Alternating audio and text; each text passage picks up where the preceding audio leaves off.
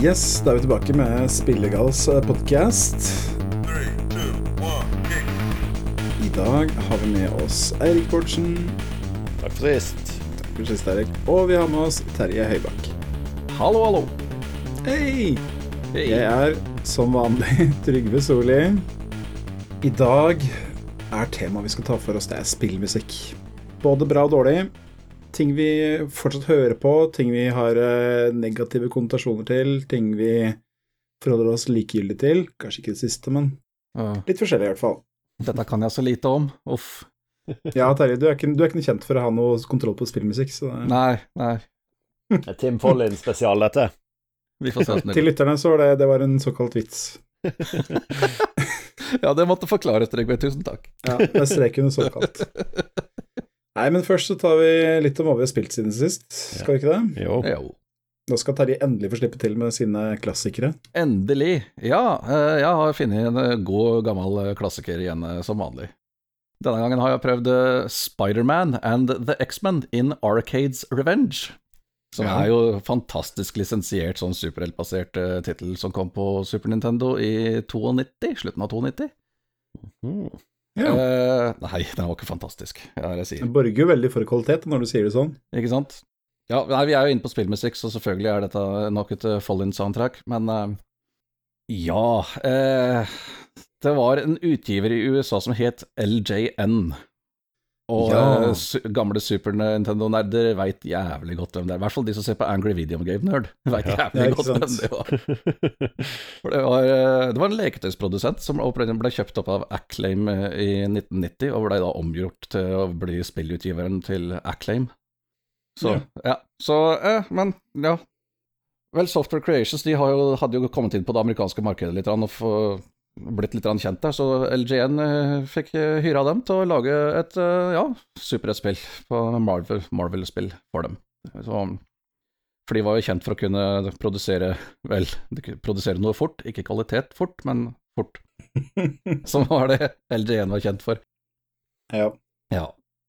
Og det utviklinga her sånn var var visst noe. Det, Software Creation sleit litt med å nå milepælene sine, og LG1 drev og trua med søksmål og gode greier før dette greiene er klart å komme ut. Mm. Så eh, vel, det, det gikk som det gikk. Det blei ble hastverksarbeid som det alltid er, og eh, ja. Det gikk fort og gæli. ja, det gikk fort og gæli. Og det kom ut, da. Og vel. Dette er en 2D-plattformer, og det er en av de verste 2D-plattformene du har vært borti. Det bare gjør alle de klassiske feila som, eh, som 2D-plattformer kan gjøre. Ja, vi snakker om eh, hele tida sånne leaps of faith, der du liksom du må hoppe av plattformer og vet ikke hvor du lander, du må bare gjette hvor du skal lande, og du kan selvfølgelig lande på ting som bare dreper deg umiddelbart. Fiender og skudd fra fiender bare dukker opp øh, plutselig og kommer så fort at det er umulig å bare reagere på naturlig. Du må ha pugga alt utenat på forhånd for å vite hvor alt er, for å kunne unngå ting. Og det er liksom Det er gøy. Det er helt forbanna det, det, det er kjent, dette her, i Super Nintendo-sirkler for å være et av de mest brutalt vanskelige spillene som eksisterer. Og Ja. det, er ikke, det er ikke brutalt vanskelig på, en go, på den gode måten, at du er interessert i å ta utfordringa, for å si det pent.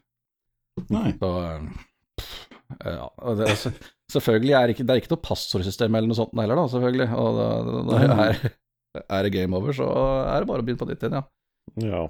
Ja, Ja, det er akkurat det vi ønsker oss, er det ikke det? ja for eh, Vel, det har jo en liten historie, da. Eh, noen eh, noen X-Men har blitt kidnappa av denne her skurken Arcade, som aldri jeg har hørt om. Den er ikke så jævlig inne i X-Men-universet at det gjør noe.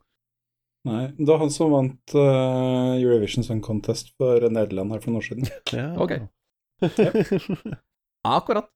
Mm. Vel, Spiderman skal i hvert fall hjelpe disse her uh, X-Mensa. Mm. du, du spiller et sånn lite intro-level uh, som Spiderman, hvor du må liksom bare finne og usk- uskadeliggjøre noen bomber, og så er det noe plott uh, som skjer, og etter det så kan du uh, velge mellom alle disse fem heltene. Uh, Spiderman, Wolverine, Cyclops, Storm og Gambit er visst.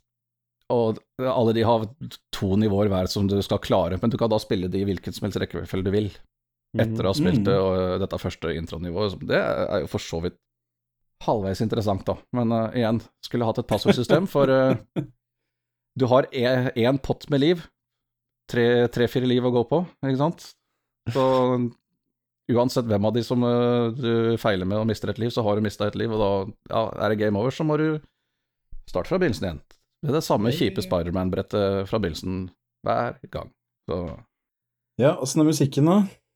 den er ganske bra, for det meste. Det vil, vil Jeg jeg, si. hørte på, jeg hørte litt kjapt over, og det var um, Det var vel et par spor der som jeg tenker at det ville jeg ikke tatt med meg ut fra en brennende bygning, akkurat, men uh, Nei, det har du helt rett i. Jeg sa ikke at alle all musikken var bra. Dette er, et, dette er jo et samarbeidsprosjekt mellom brød, de brødrene Tim og Joe, Jeff. Ja. Og eh, ja, jeg har vel nevnt før også, Tim har jo uttalt på den tida at han var ikke veldig produktiv. Stort sett så lagde han bare tittellåta og kanskje et par av de andre låtene, som mest var broren som gjorde omtrent alt resten. mm. Og det eh, tyder jo på det her òg, da. Men eh, det, det, skal, det skal det ha. Altså, det er stort sett ganske lange låter, dette her. Det er oppi fire minutter lange låter, stort sett. Og det var ikke så vanlig på den tida. De Stort sett så loopa jo disse her spillmusikken sånn etter et drøyt minutt eller sånt noe. Mm. Ja. Men, eh, men du har rett. Altså, det er særlig én en sang ja, Bakgrunnsmusikken til Wolverine sine eh, baner, for han spiller på sånn der eh, tivoli-lignende Ja. år, Og det er sånn typisk generisk ræva dårlig spill-tivoli-musikk som du har hørt 1150 ganger før, og det er, eh, det er ikke blitt noe bedre. Den kan du skippe. Ja, det er spesifikt den jeg sikta til, ja. Ja. Den var ikke, ikke en klassiker. Nei, det var ikke det. Men ellers så er det mye sånn, sånn eh, litt sånn gamle sånn funky eh, greier, med funkgitar og slapbass og sånn litt sånn brassinstrumenter innimellom, og ja, det Jeg liker det. Det minner Mm. en god del om det Sly Spy-soundtracket jeg snakka om tidligere. Ja, Ja. ja. Mm. Det, jeg syns det ser jo litt eh, Det er jo litt sånn kul grafikk i det, da. Jeg syns Ja. det virker jo litt òg som litt sånn gøyal De ser ut som de kontrollerer litt sånn forskjellige, de forskjellige figurene. Det er det det som jo- er eh, Har jo litt verdi, ser det ut som. Til tross for at det har hastverksarbeid. Hadde det bare vært litt spillbart, men det er jo faen ikke det. Ja. Men du har helt rett, grafikken er bra, og du, du, hver av disse karakterene har jo sine egne nivåer som er, burde vært basert på skillsettet deres. Så de har sin, e- har sin egen spillestil. Og eh, til en viss grad så stemmer det, men den kan jo framheve hun eh, Storm sitt eh, nivåer, da. For eh, de som kjenner til karakteren Storm, er jo Hun er jo bortimot en sånn slags værgudinne, kan fly og kan kontrollere vær og få lyn og sånt noe. Mm. Nivåene hennes er undervanns uh, svømmebaner. Ja, akkurat det Storm er mest kjent for. er ikke? Logisk. Ja, veldig. Så ja, ja. Ja, ja. Ja. Det ble gjort et forsøk, i hvert fall. Det, Ja, det ble gjort det. Men ja, de skal, de skal ha det. Altså, hver av de fem eh, karakterene har litt sånn unik eh, spillestil, da. Og banen deres er det prøvd å designe rundt det. Men eh, nei, ikke kast bort tida på å prøve å spille det, men finn fram soundtracket. Det, Ja. det er verdt en, en gjennomlytting. Mm. Yes, yes. Ja. Ja. Jeg har vi... en, en til også, hvis vi ikke skal gå videre.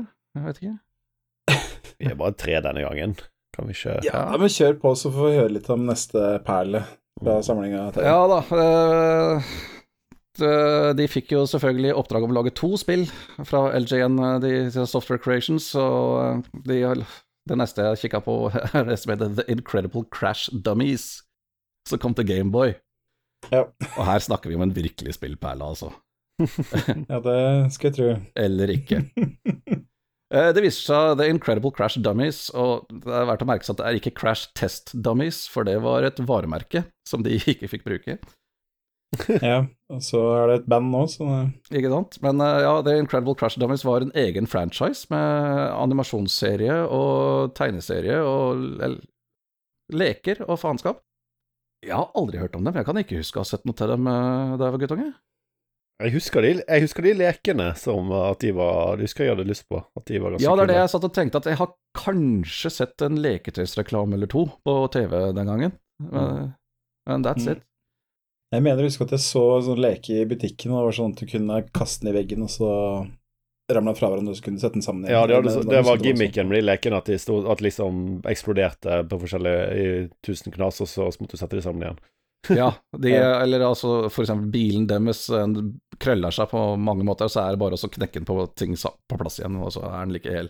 Så du kan liksom krasje den igjen og igjen og igjen. og- Ja. Mm. Det var greia med de. Men uh, ja, uh, spillet, da. Uh, disse Crash Dummies de har lyst på ferie, og må tjene seg penger for å kunne dra på ferie. og for å gjøre Ja. det, så må du jobbe litt, og det består av at Ja, spillet består av fem små sånne minispill, som du må spille gjennom fire ganger hver i stigende vanskelighetsgrad for å tjene penger. Og det er det. Ferdig. Jepp. Ja, og disse Ingen av disse minispillene er verdt en sur sild. Jeg ser det noe sånn rip-off av Ski-Free, blant annet. Ja, ikke sant. Det må Ja, det være, må være bortimot den kjipeste av de. Men eh, den første er egentlig den mest interessante ideen av de alle. Du skal bare hoppe fra en brennende bygning, og så må du treffe og, Og du kan treffe flaggstenger og ta liksom saltoer fra de, og krasje gjennom markiser og sånt. Og jo mer sånt du finner på, jo mer penger tjener du. Og så må du bare treffe en blink på bakken. Ikke, ikke en madrass eller noe sånt, noe, en, bare en blink på fortauet, og så knuse på den. Mm. Makabre greier. Den er jo egentlig ikke spesielt gøy å spille, da.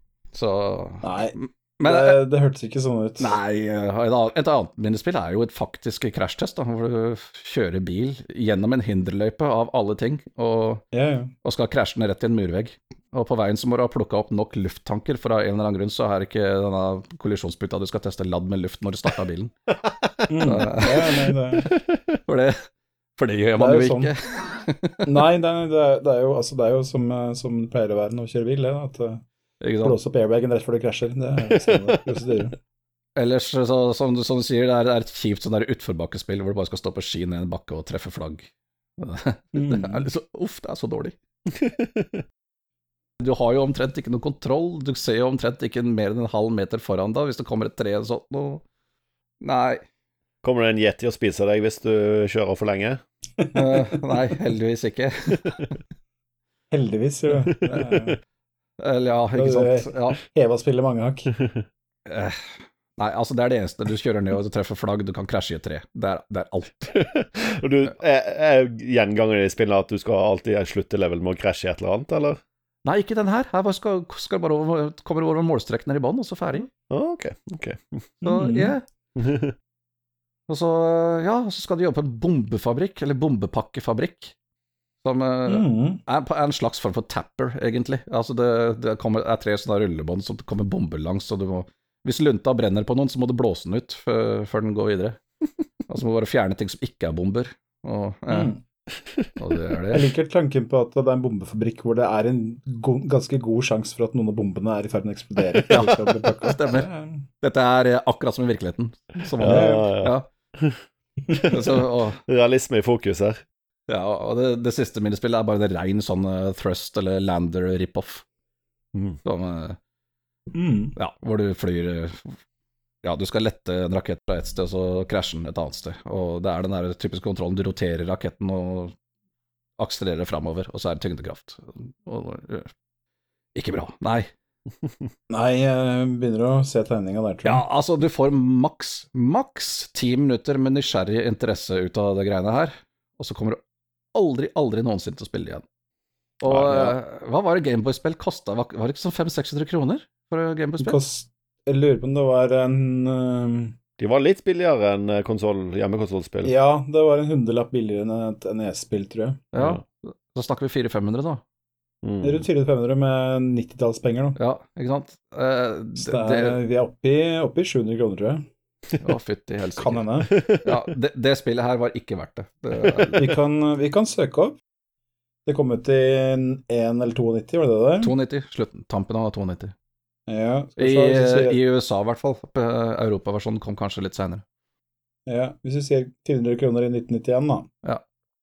Ja, jeg sa 700 kroner, men jeg tok litt feil. Det Vi snakker 794 kroner og 97 øre. Ja, Ja, ja, ja. Det var 400 kroner i 1991. Yes, så um... Spill, eh, De som sier spill er dyre i dag, skulle prøvd å leve, å leve før i tida. Ja. Da var det i hvert fall dyre. oh, yes, tenk, tenk å ha kjøpt det dritet her for 800 kroner og ikke kunne levere det tilbake. Men, Ja. det, er, for, det, det var jo sånn, det var jo garantien på spillet før. Har du åpna boksen, så har du åpna boksen. Synd det. Ja, ja. Mm. Men det, men det var jo sånn på det, altså Nintendo var jo rå på det der. Det var jo da Street Fighter 2 kom til Norge, så det kosta 1000 kroner da det kom ut. Ja, ikke sant. Det var jo fordi de visste at eh, de kunne ta nøyaktig hva de ville for det, for folk kom til å kjøpe det i bøtter og spann uansett. Ja, helt sinnssykt. Mm. Og ja, hvis du skal ta en kjapp tur innom musikken, så eh, glem musikken. Ja. Ok, Ja. allerede gjort. Yes, For eh, ja, det er vel han eh, Både Tim og Jeff er kreditert på dette her, men Tim uttalte i et intervju at han tror faktisk ikke han jobba på det her i det hele tatt. Men han virka, Mm. men han virka ikke sikker heller, da. Så, men det, antagelig bare Jeff. Mm. Så, Ja, ja. Eneste som er verdt å nevne, er at uh, musikken under denne der crash test-minigamet er en rein rip-off av Deep Purple sin Highway Star. Ok. Det er cheeky. Ja, Yes. ja, ja. Antagelig ikke lisensiert, så sånn er det. Du kan regne med at det ikke var lisensiert, ja. Så Yes. det er det jeg har kost meg med siste uka. Og jeg har eh, begynt å spørre meg sjøl hvorfor jeg fortsatt driver med dette. Begynner å grave i bunnen av bøtta nå. Ja, kan eh, det, det, Vel, for å si det sånn, jeg veit jo allerede hva jeg kommer til å ha med til neste uke, og jeg har ikke funnet et av de gøye spillene da heller, for å si det sånn. Nei. Men det får bli neste gang. ja, ja, ja. Det er ikke sant. Mm. Yes. Nei, men eh, Eirik, hva har du å overraske oss med i dag? Jeg har vært borti et spill som heter Superliminal. Um, ja. Det var bare sånn dypdukk i GamePass. Jeg hadde ikke hørt om det en gang før. Men så så jeg liksom eh, det sto, Den traileren som begynte å spille, sto det noe sånn at det, det er New Portal eller noe sånt. Så tenkte jeg å ja, ok. Da, Ja. Det er gøy. ja. Det er veldig, Det er litt, eh, litt eldre, er det ikke det? Fra 2019 eller sånn, er det ikke det? jo, det stemmer nok, ja. Det, kan, Ja. det høres rett ut. Det er modig å prøve å påstå at uh, Ja, de går for den, da. Legger lista høyt. ja og de, de går ganske tydelig på den òg. Det er veldig sånn uh, Det er en sånn Glados-stemme og sånn som uh, oh, ja. ikke fullt så bra gjennomført og litt sånn. Litt lignende. Au, det er ikke noe god start, da. Nei. Uh, det er heldigvis ikke like pratsom, da, eh, som GLaDOS, fordi det, det hadde blitt vel tydelig. Mm. Men uh, de har sin egen gimmick, da. Uh, i i dere, jeg vet ikke om vi trenger å snakke om gimmicken i Portal, men her, her er i hvert fall gimmicken at du plukker opp en dings, og så har han den størrelsen som perspektivet tilsier at han har, hvis det gir mening. Sånn at hvis du plukker opp en Ja. en sjakkbrikke nær deg, og så ser du bort på andre enden av en fotballbane og legger den fra deg, så er han plutselig gigantisk stor. Mm. Oh, ja. og, mot, og motsatt, hvis du plukker noe langt unna og tar han på noe nære deg, så blir han bitte liten. da. Sånn at han er, Mm. fra din synsvinkel, er like stor, men basert på hvor du plasserer han. Så Ja. Ja. Stemmer. Jeg tror jeg kom på at jeg har hørt om dette før. ja. At det var um, spennende ideer, men ikke helt vellykka. Var vel liksom konklusjonen da, tror jeg. Ja, jeg er nok litt enig. Eh, Ja, for det der hørtes jo veldig interessant ut, eh, sånn i utgangspunktet, spør Ja, meg. den traileren eh, fascinerte meg veldig. Eh, det, det er nå en del pus puzzles, men den, den gimmicken er nok ikke Jeg vet ikke om de har klart å gjøre nok med den puzzle-ideen til at det er så interessant. da. Det blir veldig at du gjør det samme om og om igjen. Eh, Mm. Det var vel det som var eh, kritikken, ja. Det var liksom sånn, det var at, eh, og så var det noen ganger som eh, eh, For det var ikke noe triks, var ikke noe greie at det er noen verdener Altså, du, du er i en verden som er ganske liten, og så går du på en sånn liten portal, og så er det en, den samme verden, bare i mye større skala. ja. Det er litt så, sånne ting. Det, de, eh, storyen er på en måte da at du er, du er Det er litt sånn Inception, sånn filmen Inception-aktig. Eh, at du mm. går i, i, i, i drømmeverden, da. Eh, så det gir sånn hint at du er noe sånn blir forsket på mens du drømmer. Og så går du flere og flere lag nedover, da. Så de prøver å gjøre liksom litt mer absurd og sånn, men de får liksom ikke helt den der freaky drømmeestetikken til å være freaky nok, da, hvis du skjønner. Eh, det, jeg hadde forventa litt mer sånn der um, twisted eh, Ikke nødvendigvis skummel, men mer sånn at ting var så Ja, men sånn psychonaut-aktig, eller jeg vet ikke, jeg eh, noe sånt, da. Mm. Litt, litt større grad enn de får til. Um, Ja. ja. Ja. Nei, det var som sagt så var det konklusjonen den gang da var det at det var ikke helt på stasjon. Nei. Jeg, Mm. jeg, jeg syns det var verdt å spille gjennom det til tross likevel, men det, det er ikke sånn superbra. Men det er kort, og det er noen kule, kule Det er noen kule puzzles, og uh, så er det noen kule Mot slutten så kjører gjerne freakyheten opp litt mer, eh, som er litt kult. Um, ja. Uh, og så Ja, dessverre så kjører det skikkelig ræva, da. Å? Oh, ja. Det er sånn du ikke forventer. Sånn her enkel sånn førstepersons inn i et bitte lite rom. Men på Series X, eh, Xbox, som jeg spilte det, så det er noen steder du kan f.eks. kopiere opp ting. Eh, og da, med en gang du lager 10-12 av noe, så begynner det å kjøre skikkelig graut. Og så noen steder det er noe sånn her portalting, aktig som Portal, at uh, du kan flytte på ting som du kan gå inn i og sånn.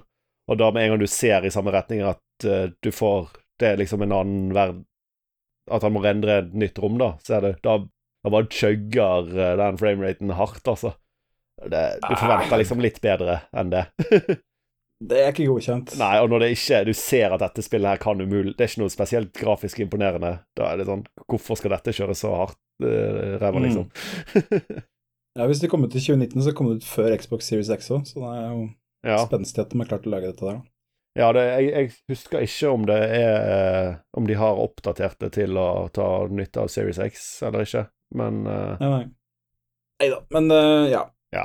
Det, det er en litt gøyal gimmick som er moro en liten stund, Mm. og uh, ja, så er det litt creepy til tider, da. Jeg uh, har jo snakket før om det ikke ligger skrekkspill, så nå ble jeg jo lurt inn i det.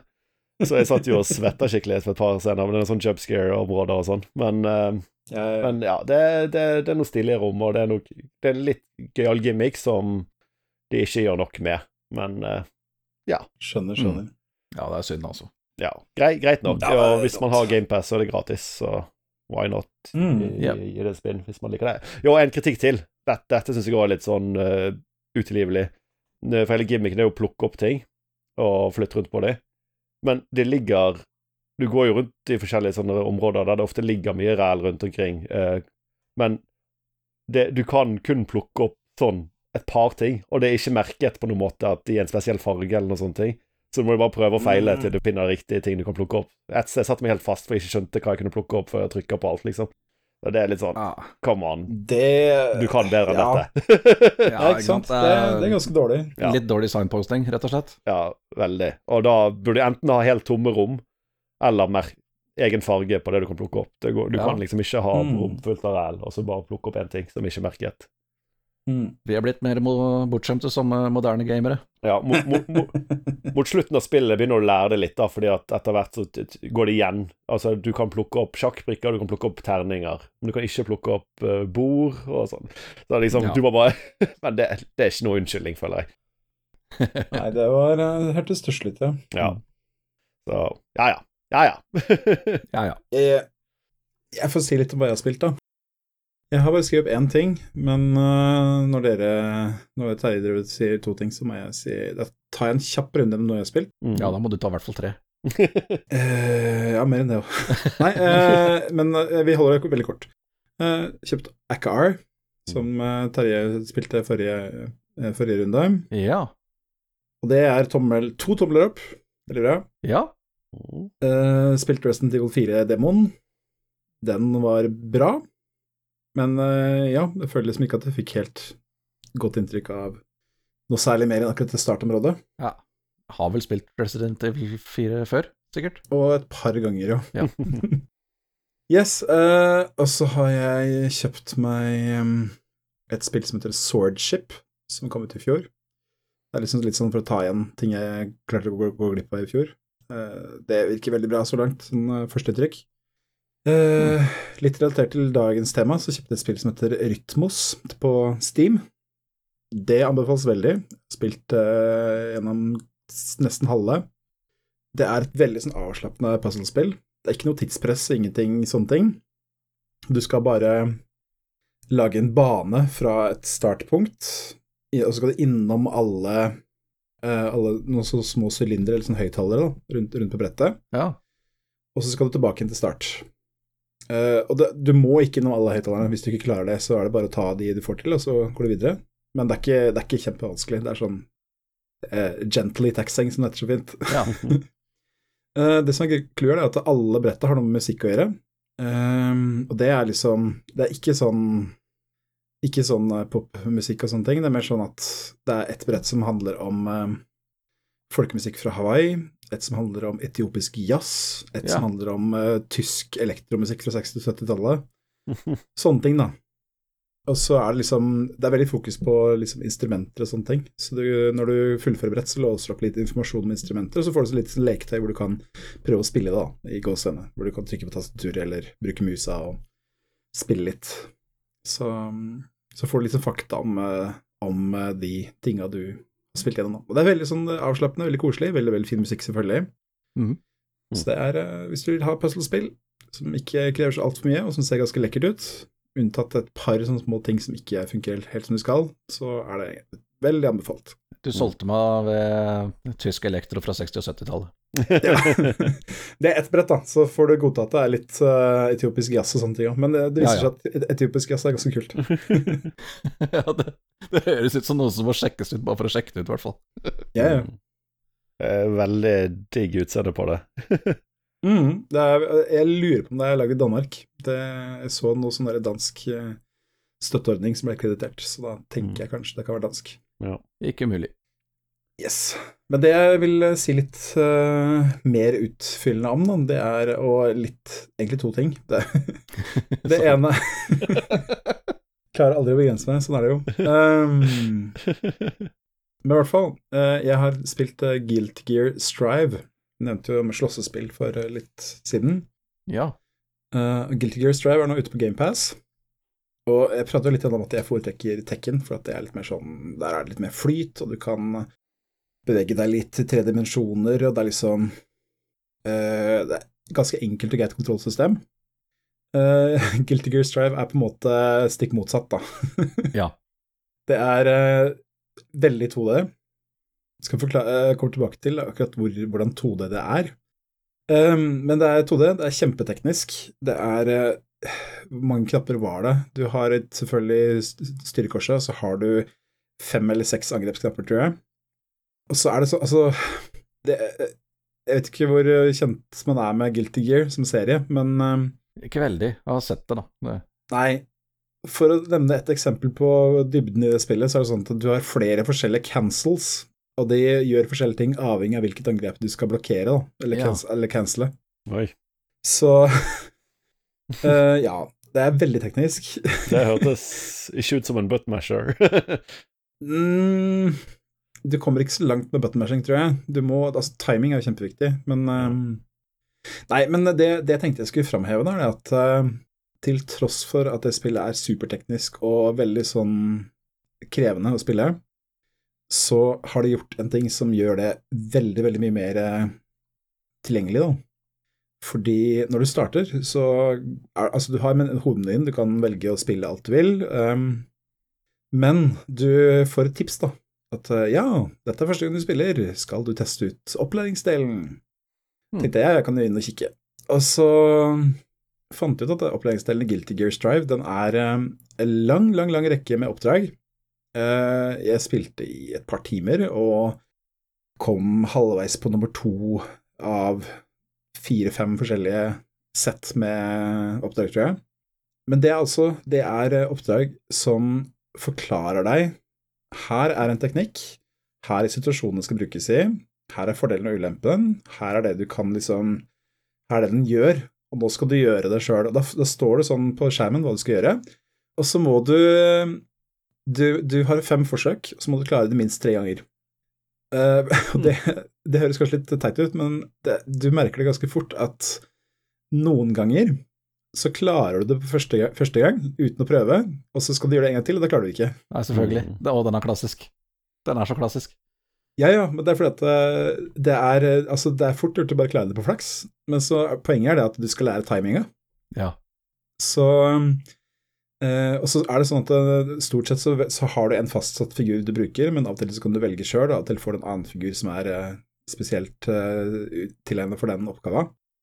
Det jeg likte veldig godt, var at eh, det var det der med at du skulle lære timinga. Du skal lære inputs og timing, og uh, veldig sånn sette opp situasjoner og sånne ting, da. Og det er liksom det er grunnlaget i slåssespill, er jo akkurat det. Du må ha timingene, du må kunne inputsa, og så må du kunne lese situasjonen da, på en god måte. Ja, ikke sant. Mm. Så det er uh, Hvis man tenker at jeg har lyst til å prøve meg på et litt sånn teknisk slåssespill, men vet ikke helt hvor jeg skal begynne, eh, så er Guilty Gear Strive på GamePad, som sagt, det, er, eh, det har en, kjempe, en kjempegod inngangsport for Ja. de som ikke er så drevne. Har det noe til felles med Var det Bushido Blade det het? Det som bare egentlig handla om blokkering, å kl- og klare å blokkere motstanderen. For uh, ellers for spillet var bare en one hit kill. Altså Det var jo sånn 2D-fighter som bare Hvis du blei truffet, så var du, hadde du tapt. Altså Det handla om, Ja. om å klare å blokkere. Ja, ja, altså, ja, jeg har spilt Bushido Blade, men, men, eh, nei, det er ikke det. Det Ah, er ah, okay. greit. Tenk Street Fighter. greit. Eh, Ok. Det er den stilen. Um, det er litt Altså, det er vel ikke så mye sånn charge uh, Nå har ikke jeg sjekka alle karakterene, men jeg tror ikke det er så mange chargers. Altså at du må holde stikka til venstre og så ta fram også en knapp. Men uh, tenk at du må ta dragon uh, punch og uh, shoryuken-bevegelse på stikka, og så trykke. Akkurat. Ja. Så vil jeg si litt om utseendet, for dette, det, det er jo japansk så det holder, da. Det er enda mer anime enn eh, Ja. ja. alt mulig annet. Så det er eh, Er det bouncy tits? eh, hvis, du søker, hvis du søker på Guilty Gear, så søker du på navnet Biken, altså B-A-I-K-E-N, Ja. Så ser du svaret på det spørsmålet. Det er, eh, de, som, de som ikke gidder å søke opp, så kan jeg forklare. Det er altså ei sånn samuraidame som um, har på seg en Ja, altså sånn en um, ja, robe, som heter så fint. Mm. En sånn slåbrok. uh, som da er åpen ned til midt på brystet, og ja, ja, ja, ja. Ikke sant. ja. Du har uh, pupper som er større enn huet hennes omtrent, så det er uh, Du kan tenke deg hvordan det ser ut. ja, ikke sant. Ja. Japan er Japan, altså. De er Ja da, men det, jeg vil også trekke fram det positive, da, for at det er, eh, er, at det er anime selv, det er det at eh, du har så mange kreative karakterer. Uh, og så, veldig mye sånn sære navn. altså det er jo, Da det, da det første spillet kom ut, så var det nesten ødelagt engelsk i hele spillet. Og så har de bare tatt vare på navnet derfra. så han du starter med, heter um, uh, Soul Bad Guy. og så, så spilte de ei som het eh, Hva det het igjen, nå? Ram Lethal eller noe sånt noe. Det er sånne helt idiotiske sammensetninger av navn. Så, men det er morsomt. Og så tar det seg sjøl ikke høytidig i det hele tatt. Det er um, eh, mye bra karakterdesign. Det er én en eh, ganske kjent karakter fra Guilty Gear som er en tre meter høy, syltynn eh, kirurg som har på seg Som angriper med en to meter lang skalpell Ja. har en papirpose på huet, og ja, er det helt klin kokos. Du har eh, karakterer i veldig forskjellige størrelser. Det, er altså det er, eh, du har han på tre meter, som sagt, og så har du en annen som er nest, sikkert nesten fire, som er i hvert fall to meter brei. Og du kan tenke deg, altså det, det, det, er liksom, det, er det er bare forskjell på karakterene. altså det er, okay. Hitboxen justerer seg til karakteren, det er ikke sånn samme hitbox på alle. Så han er ganske lett å treffe, da, sånn sett. Ja. Men du kan tenke deg også da, at uh, hvor hardt han uh, slår når han først treffer. Så det er um... Skjønner. Jeg syns du underselger utseendet litt her, da. Jeg syns det spillet her var helt nydelig, på videoer iallfall. Sånn Ja, jeg prøver, jeg prøver å si at det ser veldig bra ut. Ja, ok. For Ja. det. Fordi shit, altså. Det, hvor de får den anime-greiene til å bare zoome inn og ut og Mm. med alle detaljene og sånn der. Ja, og så en ting som kanskje ikke er så åpenbart med en gang, er at uh, hele spillet er i 3D. Alle karakterene er 3D-modeller, men de kjører ikke sånn, eh, sånn animasjonsblending som er van helt vanlig i 3D-spill, altså at eh, bevegelsene går liksom jevnt fra gjennom De kjører keyframing, sånn at eh, det, bevegelsen bare hopp, spretter mellom forskjellige bilder. Så det ser ut som det er 2D-animert. Mm. Mens, mens det egentlig er i 3D. Men det, det ser kjempebra ut. Det er, det er som spillet anime, altså. Det er, eh, Mm. du, altså, du ser det når, når du treffer med sånn superangrep, så, så zoomer kameraet ut og roterer rundt, og så videre og så videre. Så det er bare sånn Ja, faen, det er 3D. Mm. Så Nei, det Som sagt, altså, det, det, altså, det er vel ikke veldig forskjellig fra tidligere Guilty Gear-spill, men det ser smashing ut, og det er eh, eh, Som sagt, når du får det til, så er det veldig, veldig sånn at du Da føler du deg kul, altså. Men eh, ja, vanskelig, men morsomt. Tror, tror du da Har det noe sånn særlig singleplayer-komponent av seg, eller er det hovedsakelig for uh, turneringsspill, dette?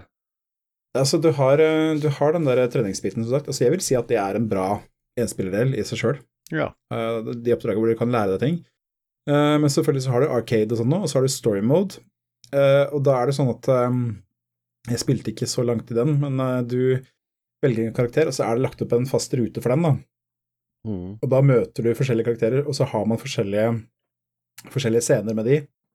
Så det er en slags historie, men altså den trenger du ikke ta så veldig, veldig seriøst, da. Men eh, jeg merka det at jeg spilte første kampen mot han derre han der legen, og da tapte jeg. Ja. Men det, det, det betydde ikke at det, var game over, for at det, det betydde bare at han blei med meg videre. Ja vel. Eh, Sånn at neste gang jeg slåss mot en eh, kamerat, så kunne jeg Da jeg begynte å slite litt, så, så kom, eh, begynte, kom han legen tilbake og joina meg på laget mitt, sånn at vi grisedengte han, da, to stykker. Så det er, eh, Gøy. Ja, ja. det er liksom gøy, og det er eh, mye sånn Det gjør en del litt kule ting med det spillet, altså. Det er, eh, det er ikke bare sånn bare bones, uh, kjipe greier, men eh, Hmm. Ja, altså, det er Hva skal jeg si Altså, det, er- det er ikke spillet for å frelse deg hvis du ikke er interessert i slåss- slåssespill, men eh, du eh, Som sagt, et godt eh, startpunkt, egentlig, for et seriøst slåssespill. Mm. Mm. -mm. Og så den andre tingen jeg ville si, det er det at det har begynt å komme trailer til Tekken 8. Og Ja. jeg gleder meg veldig, altså. Det er lov å håpe at de har fått fiksa crossplay. Det hadde vært fint. Det er ikke sannsynlig, men uh, altså, fighting-spill er jo bankers for crossplay, egentlig. Det er jo Mm. du, Det er ikke noe forskjell om du spiller med Burde jo være det, men uh, Ja, ja. enkelte er eh, fortsatt rimelig sære på å tillate de greiene der. Så Ja. ja da. det er klart. Ja. Du, må være en stor, du må være en stor nok franchise, og vel, slåssespillet har blitt litt mer nisje enn det en gang var. Jo, man skulle jo tro at det er viktigere for små franchiser enn store, fordi små lider jo mye mer av eh, at folk ikke spiller det nok på nett til at du Tenker på plattformeier, eller vi snakker om Sony, da. Det er selvfølgelig Ja. ja. Mm. ikke sant. Eh, Hvis du er Fortnite, så, sier, så klarer ikke Sony å si nei til Men uh, Nei. Selv om de prøvde på det òg, men ja, Ja. når du er Tekken, eller Street Fighter, da eh, Mm. Nei, da Mm. er det de fort tilbake på den hesten der om at eh, nei, vi vil at folk skal spille det på vår konsoll, for det er det beste stedet å spille det på. Ja. Var ikke det de sa om det- en? Ja, jeg tror det kommer eh, litt også an på om det er eh, Sony som hoster det, eller om det er self-hosta. At um, Fortnite er jo Epic som hoster. Ja. Destiny har full crossplay, og det er hosta av Bungie. Men jeg tror vel det at mindre aktører er avhengig av å få serverhosting hos eh, Sony eller Microsoft eller hvem det er. Mm. Uten Ja. at jeg vet om det er riktig, men eh, jeg tenker jo at det er kanskje en grunn til det. Mm. Nei, men uh, slåssespill, eh, det er eh, det er Hvis du tenker at det er for vanskelig, så vil jeg tipse om at eh, da kan du bestemme deg for at nå skal jeg bli god i slåssespill, og så blir du det. så enkelt er det. Ja, ja, ja. Ja,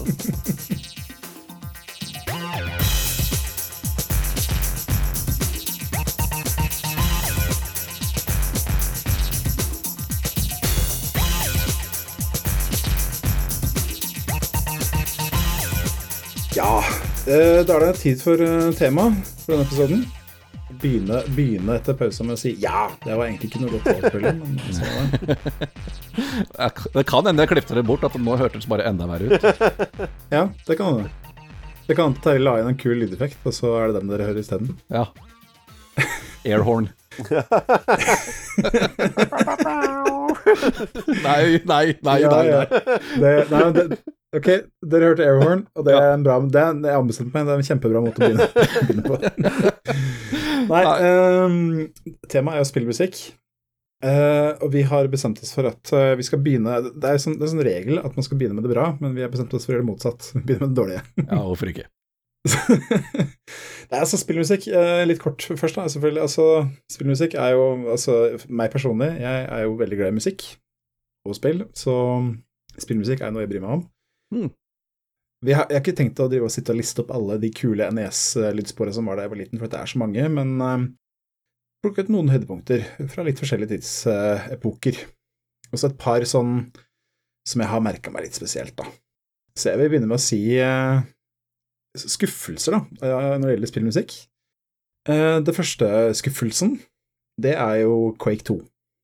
Fordi Quake 1 var et spill som hadde musikk eh, produsert av Trent Reznor fra Nine Inch Nails. Ja.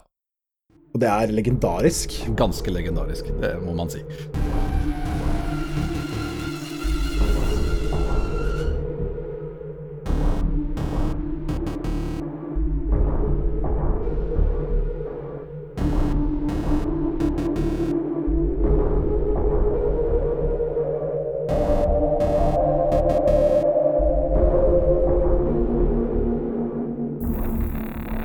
Dette var jo på den tida hvor eh, spill kom på CD-er som man kunne putte i CD-spillene sine og høre på. Så jeg hørte på den CD-en ganske mye.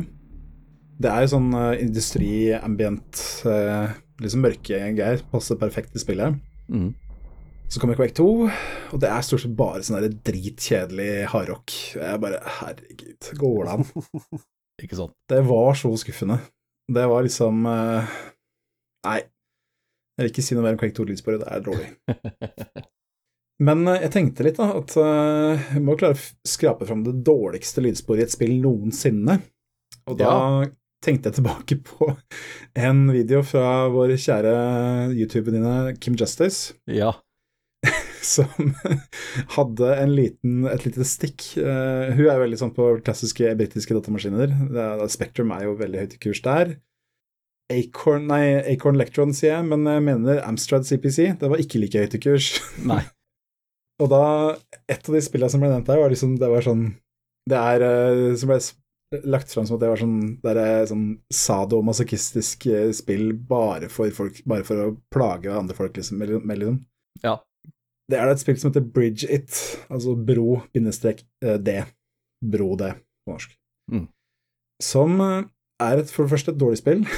For det andre så er det Det må være verdens dårligste soundtrack, for at det er um, en blanding av eh, det, den marsjen som heter Colonel Bogey March, som alle har hørt, men kanskje ikke kan navnet på. Den derre, eh, det er fra broen over Kvai. Kwai. Den eh.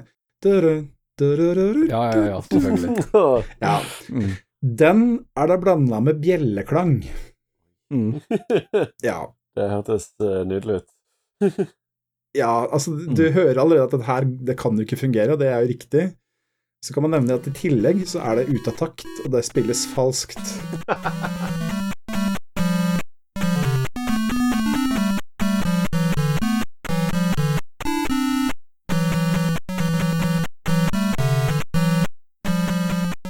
Det er virkelig ikke mulig å synes at det er, å går an å høre på. Ass. Det er et eller annet som skjedde skjedd gærent der. Ja, altså kan jeg også nevne da, at det, det lydbrikka i den maskinen har bare tre lydkanaler, og to av de blir brukt opp til hver sin melodi. Og Ja. jeg vet ikke hva den tredje blir brukt til, om den forsøker å, holde, å få en takt ut av det, eller om det er lydeffekter, eller hva pokker hva det er. Men det sier seg sjøl at det er en kakofoni og Ja, altså det er, det er Altså søkt opp på YouTube, bare Bridget Amstrad CPC. Så, altså music, så får du hele herligheten. Yes. Og det er Den setter du på før du drar eh, Hvis du drar tidlig fra jobb en dag, liksom, og lar Mm. den stå på full guffe for å plage kollegen med. Yes! Ja. Nei, men uh, det var mine eh, minst likte spill-soundtracks. Ja. Men Terje, du har en ja, Ja, altså da, jeg, da jeg leste det, så, så, så vil jeg si at da var det Jeg, jeg trykka på eh, permanent band-knappen, og så ombestemte jeg meg i siste liten. Ja, la meg, la meg lede opp til det. Altså, for det første, jeg måtte vri netta noe jæsklig for å prøve å komme på hvilke spill er det egentlig som hadde en legendarisk dårlig soundtrack. Jeg går ikke og husker dem, egentlig. Nei, det det. Og det, og det første jeg tenker på, egentlig, er, de, er den veldig veldig tidlige spillmusikken, hvor, uh, hvor musikken bare var en ettertanke. Hvor det var én person som laga spillet, og programmereren gjorde alt, og bare smurte sammen en enkel entonet uh, versjon av et eller annet og, og la oppå. Og da snakker vi tidlig 80-tall, og det, det er jo stort sett elendig alt sammen. Ja. Og det, er det jeg tenker på da. Men jeg har en litt kontrær en, ja. Og det er eh, originale Doom-soundtracket fra 1994. Originale Bu, Ja. det av eh, er, er, Var det Bobby Prince han het, var det ikke det? Ja da. Ja, stemmer. For eh, jeg syns det bare ikke er eh, godt laga. Jeg har aldri likt det. Og det, det har litt med det har litt med måten uh, lyden fungerer på, på på, plattformen, rett og slett. Da. At uh, det, det, er veldig korte uh, det, er, det, er, kanskje ikke samples eller synt-lyder. Ja. Så det, det, er, det, er, ikke et ordentlig lydbilde i låtene. Altså det er veldig korte lyder som er brukt, så he, hele greiene er veldig stakkato, ikke sant? Skjønner du hva jeg mener? Ja.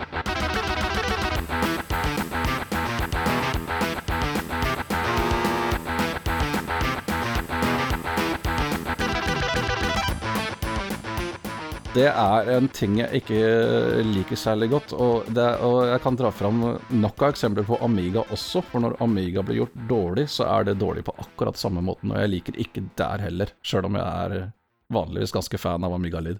Mm. Ikke sant? Ja.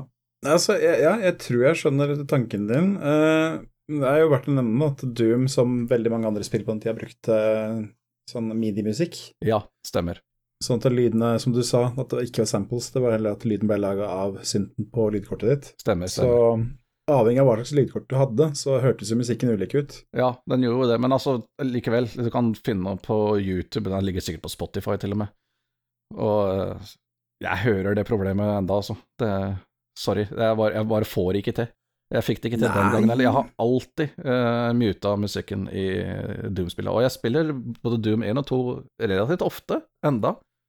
Det er, sånn, eh, det er en av de greiene som spiller igjen og igjen, men uh, musikken, nope. Vekk, vekk, med den. Jeg bare smeller opp et eller annet uh, matchende lyd fra, i bakgrunnen sjøl isteden. Noe dark synth, et eller annet agromusikk som passer bra, og kjører på med det isteden. Alltid gjort.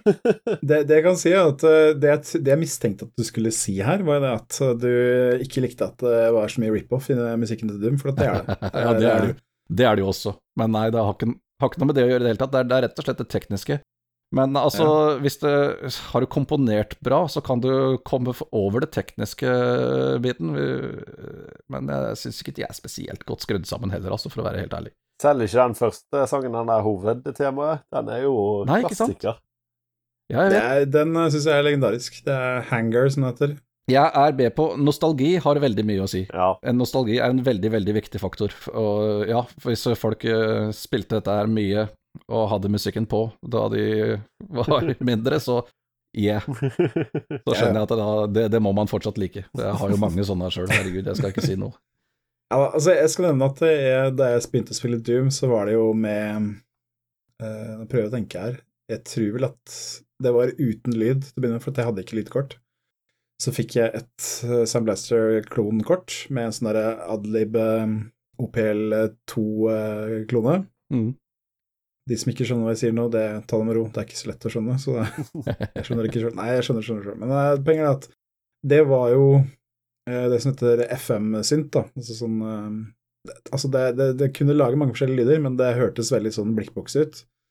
Men jeg spilte så mye PC-spill på den tida med de lydene at de, det, er, det er gode lyder for meg, altså. Jeg har med et Adlib-soundtrack på, bra på Bruce-lista mi. Mm. Så Nei, altså, jeg kommer ikke unna. Altså, Doom, greit nok. Altså, jeg ser at det kanskje ikke er så spennende låter, men altså, det var jo Jeg tror det er det som er meninga. Altså, Hanger er liksom ikonisk for at han er veldig sånn aggressiv, veldig sånn Det skulle jo være et thrash metal, ikke sant? Mm, ja og skulle liksom blæste på helt fra starta, og det syns jeg var det lykkes med nå. Ja, men likevel, jeg, jeg, bare, jeg bare syns ikke det er noe god flyt i lyden, rett og slett. Og som jeg sier, det er, det er veldig mange gamle og klassiske Amiga-lydspor som har samme problemet, som jeg ja, ja. Ikke, heller ikke liker.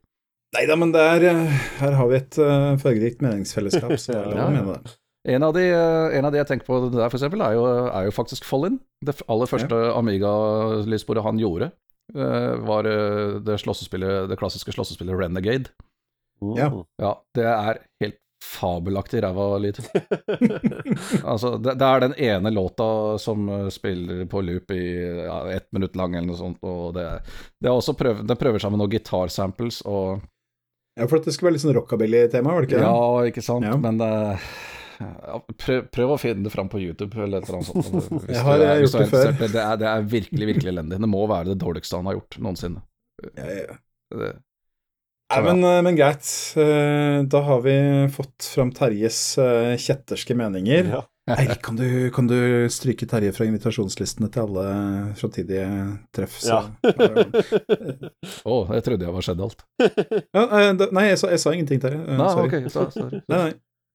Bare sånn internspøk mellom Erik og meg. Mm, mm. Nei da! Bare tull. Nei, men eh, nå har vi nok, eh, nok eh, negative nok, nok gruff. Nå får vi gå videre på litt gode minner. Da tenker jeg at vi går rett til vår kjære korrespondent Terje eh, Eirik. Unnskyld. Ja. Terje Eirik, det er så like navn. Ja, veldig. ja. Nei, det første jeg tenkte på når vi snakka om eh, Når jeg bestemte for dette temaet, var for meg Final Fantasy. Jeg er jo ikke så glad i RPGs, som jeg har snakka om her før, men eh, det var den eh, når jeg, når jeg prøvde meg på den sjangeren i sin tid, så falt jeg veldig for musikken i de spillene. Uh, Ja. Jeg syns det var helt legendarisk, egentlig. Det var det som virkelig gjorde meg interessert i spillmusikk først.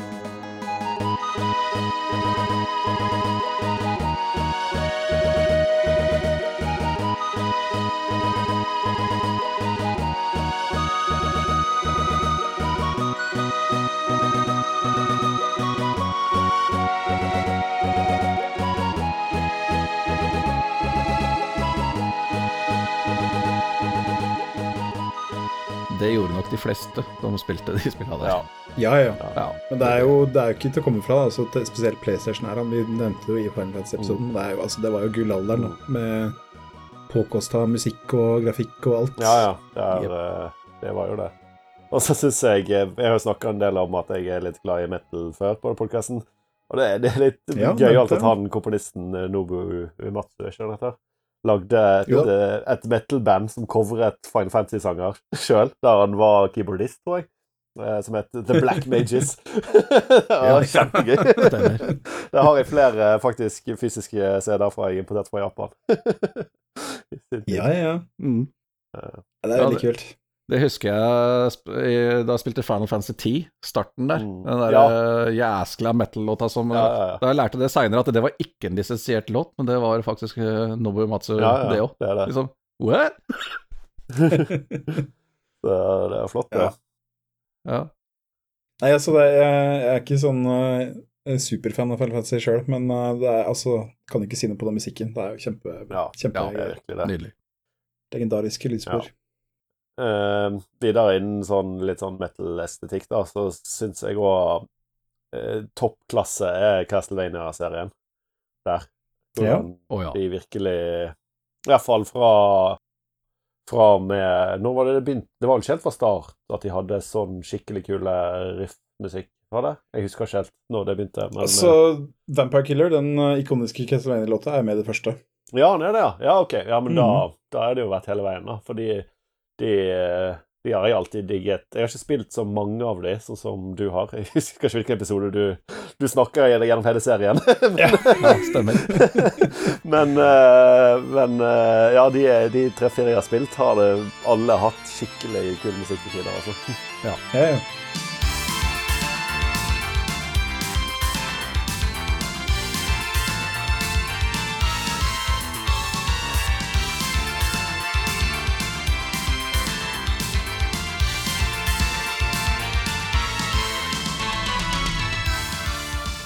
Altså, alle de tre første spillene har jo et, en sånn temalåt som er blitt legendarisk. Du har liksom Vampire Killer, du har Brother Tears, og du har um, uh, Glemt hva den heter, den fra Castlevania 3, men den er også veldig kjent, da. Altså kjent innafor de som liker Castlevania og retrospill. Ja. Kan jo si at jeg har uh, Symphony of the Night uh, på vinyl i hylla bak meg her. Du har ja, ja. Jeg har den på CD, faktisk. Men Mm. uh, jeg drev og importerte sånn spillmusikk-CD-er i sin tid, en periode. Mm. den uh, Nei, også- jeg ja. Jeg skulle bare si at jeg syns de D-spillene har skikkelig kul musikk uh, i samme serien. Ja, altså jeg, jeg skal være litt kontrær der og si at jeg syns det at Castlevania-musikken tapte seg da de var, gikk vekk fra NES eh, og Super Nintendo. OK. Jeg kom først til det etterpå, jeg. Det var først uh, Symphony of the Night og D-spillene jeg liksom falt for sjøl. Mm. Altså, da, da, da mener jeg, da mener jeg sånn musikalsk sett at uh, musikken i de nyere spillene er ikke på Det er liksom ikke like Altså, for meg så er liksom Castlevania er de der ikoniske eh, låtene som er Mm. på NES og Super Nintendo. Så Ja. Men der er, der er jeg litt sånn eh, med på Eirik. Altså, eller det vil si, Symphony of the Night var det første Castlevania-spillet jeg spilte ordentlig. Jeg hadde, Ja, test, hadde så vidt testa det, et par av Nintendo-spillene, men jeg hadde ikke Nintendo sjøl, så det var jo ikke, det var ikke noe jeg holdt på med. Eh, det, det fins faktisk en Castlevania-port til Amiga også, men den er best for alle om vi bare later som ikke eksisterer. jepp, Ja. jeg har sjekka den ut. Det er best å overse. Eh, den, den siste tingen jeg vil ta, nevne før jeg gir fra meg ordet, er eh, Nintendo og han er Koji Kondo.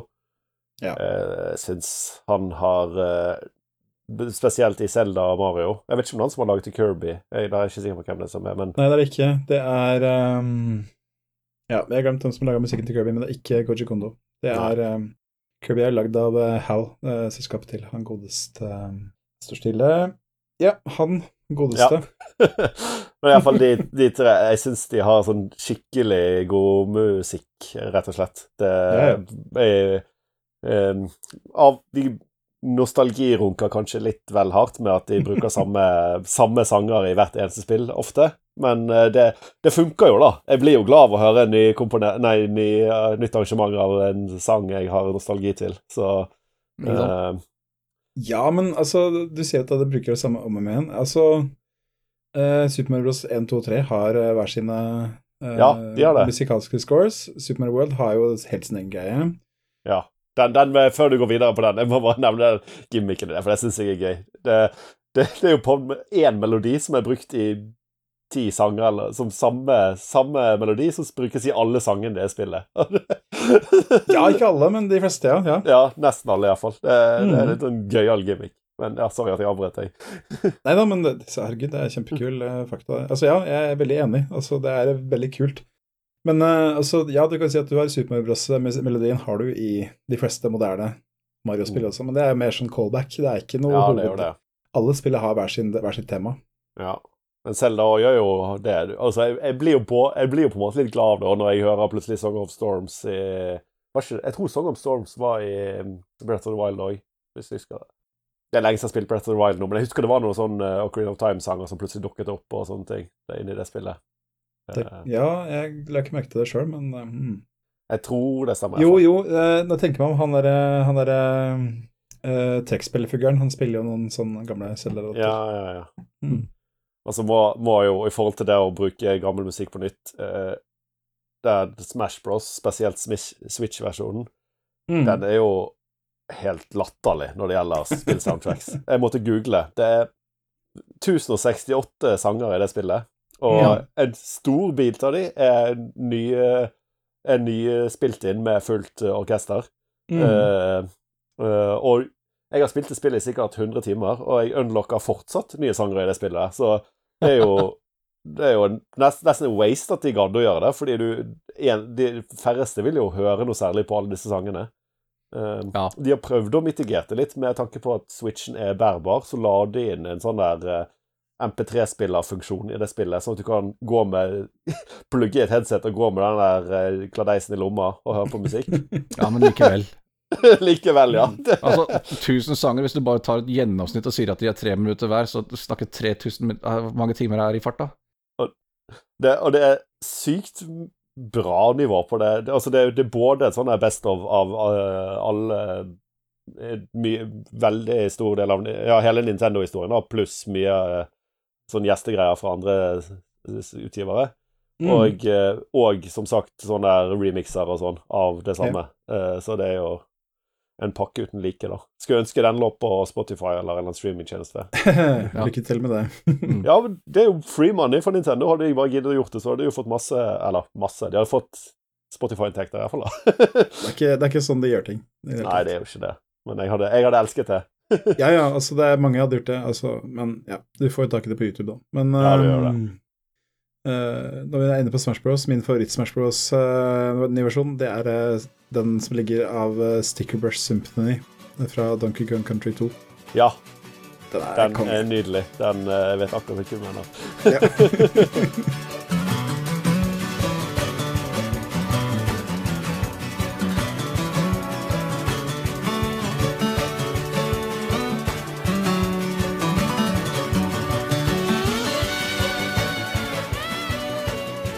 Jeg har søkt det på YouTube flere ganger. bare, ah, Nå har jeg lyst til å høre den. Ja da. Nei, altså, jeg har eh, Jeg sa at jeg skulle ikke ramse opp alt, men selvfølgelig er jeg enig med deg, Erik, at Selda Zelda og Mario Kirby det er jo klassikere. Det er, uh, Kirby er spesielt ram på at de skal bruke opp at uh, gamle sanger, men uh, Ja, de er det. de er veldig gode, så det er greit. Ja, og, ja, og en kjapp ting til på Nintendo. Jeg må, eh, fordi vår venn Lodin posta en sånn Yoshi-video nylig. Jeg, jeg blir så godt humør av all Yoshi-musikk. Altså Hver gang det kommer en Yoshi-sang, så så blir jeg sånn giddy og glad. Det sånn der feel good-musikk uten like. Ja, ja, ja. Ikke sant? Det er jo den, den filen du får av de spillene. ja. Yes. Jeg kan, jeg, kan, eh, jeg kan gå litt videre på eh, det du sa om Nintendo-musikk. Det har jeg også skrevet litt der. Eh, jeg tenker på det jeg trekker fra spesielt, det er NES var jo eh, Altså hadde jo bare fire lydkanaler opprinnelig.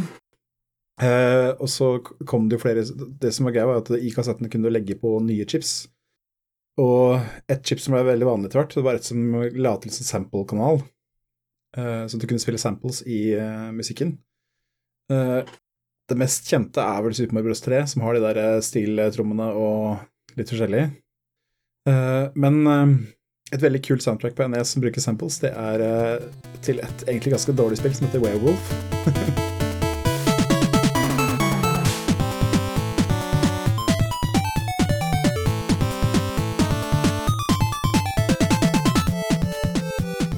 Som er eh, ikke så moro å spille, men har veldig veldig kul musikk. Jeg brukte det vel på eh, ja, denne episoden av podkasten som eh, jeg redigerte. Så det, det, det. Avslørt. Avslørt, ja. Det pleier å stå, altså. Det vet jo folk hvis de gidder å følge med. Nei, men det, da jeg var liten, så var det stort. At øh, ikke bare var det bedre sånn synt-greier enn på PC. Da hadde jeg jo PC-speaker og ikke lydkort. Mm. Eh, men, ikke, men så kom det samples òg, og det, det var stort.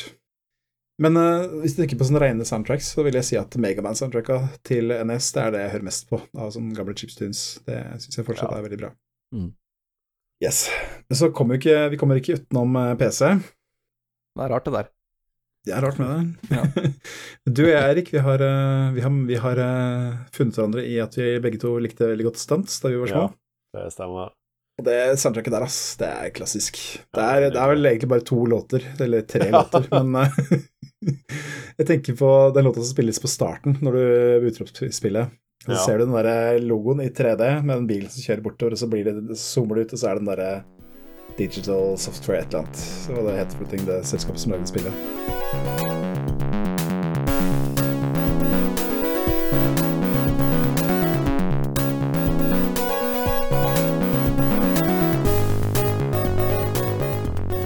Tillegg det, faktisk jeg, eh, jeg syns faktisk der at den PC-speaker-versjonen av den sangen er kulere enn den midi-versjonen. Det, det er sikkert 90% nostalgi, men yeah. Ja, altså, altså det er jo den samme låta, bare Ja, det mye, mye kjipere, men Bare mye mer skrikete, liksom. ja. Det, er altså, de, klarte å få, de klarte å få låta klemt ganske bra ut av PC-spikeren, men det høres jo ikke bra ut, det gjør det ikke. Nei, Så jeg, jeg holder en knapp på Adlib-versjonen der, altså. Som Ja. er min, min uh, Ja. klassiker der. PC Speaker er for spesielt interessert, altså. Det er det. det, det er nok fordi at det var det jeg hadde når jeg Ja. spilte det Ja, ja. spillet. At det er det som høres riktig ut for meg. Men det eksisterer faktisk folk som er, er, har dilla, dilla for det. Det gjør vel sikkert. Ja. Og Folk som, folk som savner de gamle modem-lydene òg, sikkert. ja da. Nei, men det, det, det er noen som gjør eh, ganske faktisk imponerende tullete ting med PC Speaker. Men eh, Ja da. Det, jeg husker det var noen spill som klarte å Altså, det var jo det med at du kunne bytte Bytte veldig fort mellom eh, Åssen var det igjen? Du kunne bytte veldig fort mellom moduser på PC-spikeren, og da kunne du da kunne du, du kunne gjøre det i forskjellige frekvenser, slik at uh, du kunne spille av veldig sånn grove samples på PC-spikeren. yes, det er faktisk uh, omtrent akkurat samme måten Commodore 64 får uh, trilla fram samples på også. I, Ja. i en sånn uh, kunstig fjerde lydkanal. Men, Mm. Ja, jeg husker det var noen spill som brukte den funksjonen der. Mm. Spilte samples. Det hørtes jo altså Hvis du hører på det i dag, så hørtes det ut som det var Jeg vet ikke Sånn derre ekstremt dårlig radioopptak fra 70-tallet, men eh, på den tida var det jo magisk. Ja, ja. De fikk det til å låte ganske greit på 64-en, hvis jeg bare får ta den kjappe digresjonen. At, eh, ja, det er det Altså- vi har podkast for. Kjappe digresjoner. ja, ja, ja. i 20 Nei, altså Commodore 64 har jo tre lydkanaler, men så var det en som fant ut at hvis du trigga et volumregister på en spes veldig spesiell måte, så gir den den brikka fra seg et klikk, som er helt Mm. uavhengig av de tre lydkanalene, og et rak eh, rakettforsker fant, klarte jo da selvfølgelig å finne ut at ah, med det så kan jeg få spilt av 4-bit-samples. Og det skjer da uavhengig av de tre lydkanalene som allerede eksisterer. Så du Ja, det er så kult med sånne triks og det. dermed har du i praksis en fjerde lydkanal som kun spiller samples, da. Men eh, fy faen. Ja, det er ganske Det er helt rått åssen de fant ut av de tinga der. Ja, Mm. det er det. Yes. Uh, jeg vil tilbake til PC-en litt. grann. Vi har prata om det med Adlib og Soundblaster og Midi og sånt noe. Um, uh, noen av spillene jeg var borti på 90-tallet, var jo veldig prega av at jeg hørte på et sånn Adlib-soundkort. Uh, lydkort, som det til og med heter på norsk. Og den, det, som jeg, det er noen spill som virkelig klarte å bruke det bra, syns jeg. Uh, soundtracket til Tempest 2000, Jeff Minter-spill, Mm. det, det, det var slik at eh, mange spill på den tida, de, der hadde du CD- CD-lydspor. men så kunne du også, hvis du ikke hadde CD-spiller eller et eller annet, så det ikke funka, så kunne du bruke adlib-musikk inni spillet. Uh, Tempest 2000, Tempest 2000 gjør det. Ja.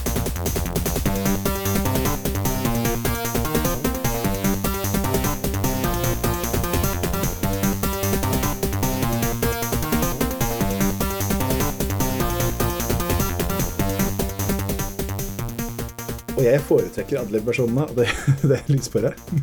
For at Ja. eh, det, Du kan si at eh, det er de samme låtene som på CD-en, men eh, CD-en er veldig overprodusert. Det er sånn skikkelig sånn noen som har kost seg i studio og tenkt at nå skal jeg legge på alle filtre alle effektene og sånt nå, og det høres ikke så veldig bra ut. Ja, men det er nettopp det. Altså, tidlig 90-talls uh, synt og sånt eh, var ikke så bra, altså. Når de eh, Nei, det, det, det var ikke det. Når, når du da tok den, de gamle klassiske lofi-låtene som vi var glad i, og prøvde å gjøre det med de der syntene på 90-tallet, eller sånn Ja, Vel, ikke, ikke fantastisk eh, studiokvaliteten eh, som i et lydstudio, men den synten du hadde kjøpt for pengene dine og hadde hjemme på gutterommet, ikke sant?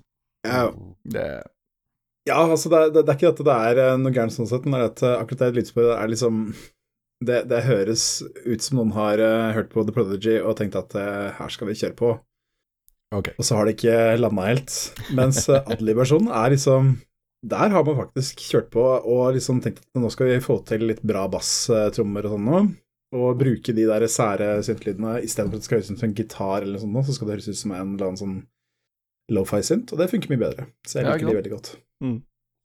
Yes, men eh, når det gjelder Adlib, så er fortsatt forstått kongen det er eh, et spill som ingen husker i dag, som heter Brix, B-R-I-X, som da bare er en straight up klone av Pusnik fra Taito, er det vel? Yep.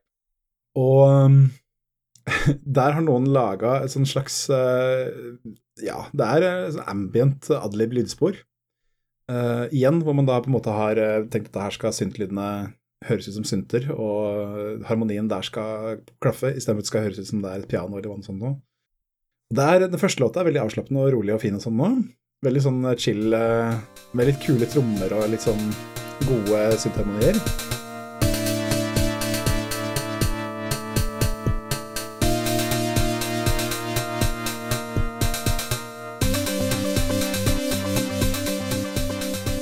Så Og så er det en som er litt mer sånn eh, leken, som er hyggelig nok. Og så kommer den trelåta. Og det, det, det er der eh, Ja, den går hardt. Det er sånn Mission mer sånn industrial eh. Det er liksom det, det passer ikke helt til spillet, men den er ganske kult laga, den òg. Så det er, eh, det er min lille sånn uh, outsider, da. Det Lille sånn skjulte perle blant blant Adlib lydspor. Um, kan nevne at eh, den gang eh, ja, starten av 2000-tallet, så kom jeg over at det var noen som hadde laga en sånn uh, Det laga en klone av et Adlib lydkort med uh, de beste komponentene de kunne få tak i.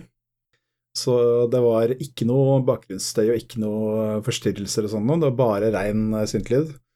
Og så hadde de spilt inn masse klassiske spillsoundtracks i en sånn megamix, og uh, gjennom den brikka, da. Og det hørtes helt smashing ut. Det var Mm. dritkult. Den er tapt for lengst, selvfølgelig, men fortsatt kul. Uh, jo, men altså, kronen på verket av medie-soundtracks er selvfølgelig, vil alltid være, Transport Tycoon.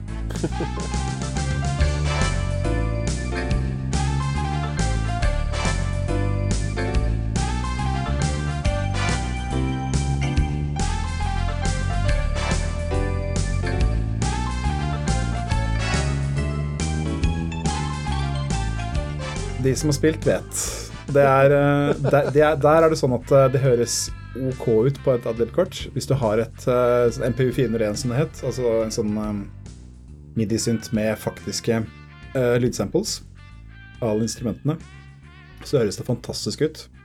Du finner På YouTube så finner du en versjon spilt på en Roland MT32, som da var en sånn high end musikk-midi-synt til PC. Som også kunne brukes på spill. Ja, så klart. Ja, kosta tusenvis da, da, den gangen da. Ja, det var eh, vel de færreste som hadde den. Ja, Ja. men det, det, er, det er virkelig uh, toppen av uh, kransekaka, altså. Det er uh, eh, litt begrensa sjangerutvalg, kan du si, men det er eh, Det passer perfekt til formatet, for at det er sånn uh, jazz-blues-aktige låter. Ja. Eh, og med Altså, der, igjen så har man designa musikken til at det skal passe til styrken da, til uh, lydbrikka. Så det høres veldig bra ut. Mm. altså, til å være midi-synth fra 90-tallet, så høres det veldig bra ut. Men eh, nei, altså, og så er det veldig, veldig kule låter, så jeg elsker det soundtracket. Og det, det har gått mange runder, altså. Mm. Jeg må innrømme at eh, jeg faktisk tok en Terje i det spillet og bytta ut eh, og satt på Winamp når jeg spilte det spillet. Ja, for eh, det, det, de er for lange, de spillene der. Og de, du hører de sangene litt for mange ganger. Uansett hvor bra de er, ikke sant. Men de, de, har, de har en sjarm. De, har- eh, de er gøyale, men uh, det traff nok ikke meg så bra som det traff deg. Nei, men greit. Det, er, altså, det har noe med at, uh, at Transport kun var jo et av favorittspillene mine da jeg på 90-tallet. 95, Ja, var så min- var det det beste. Samme her. Samme her. Mm. Så Nei, men ja, jeg liker det veldig godt. yes.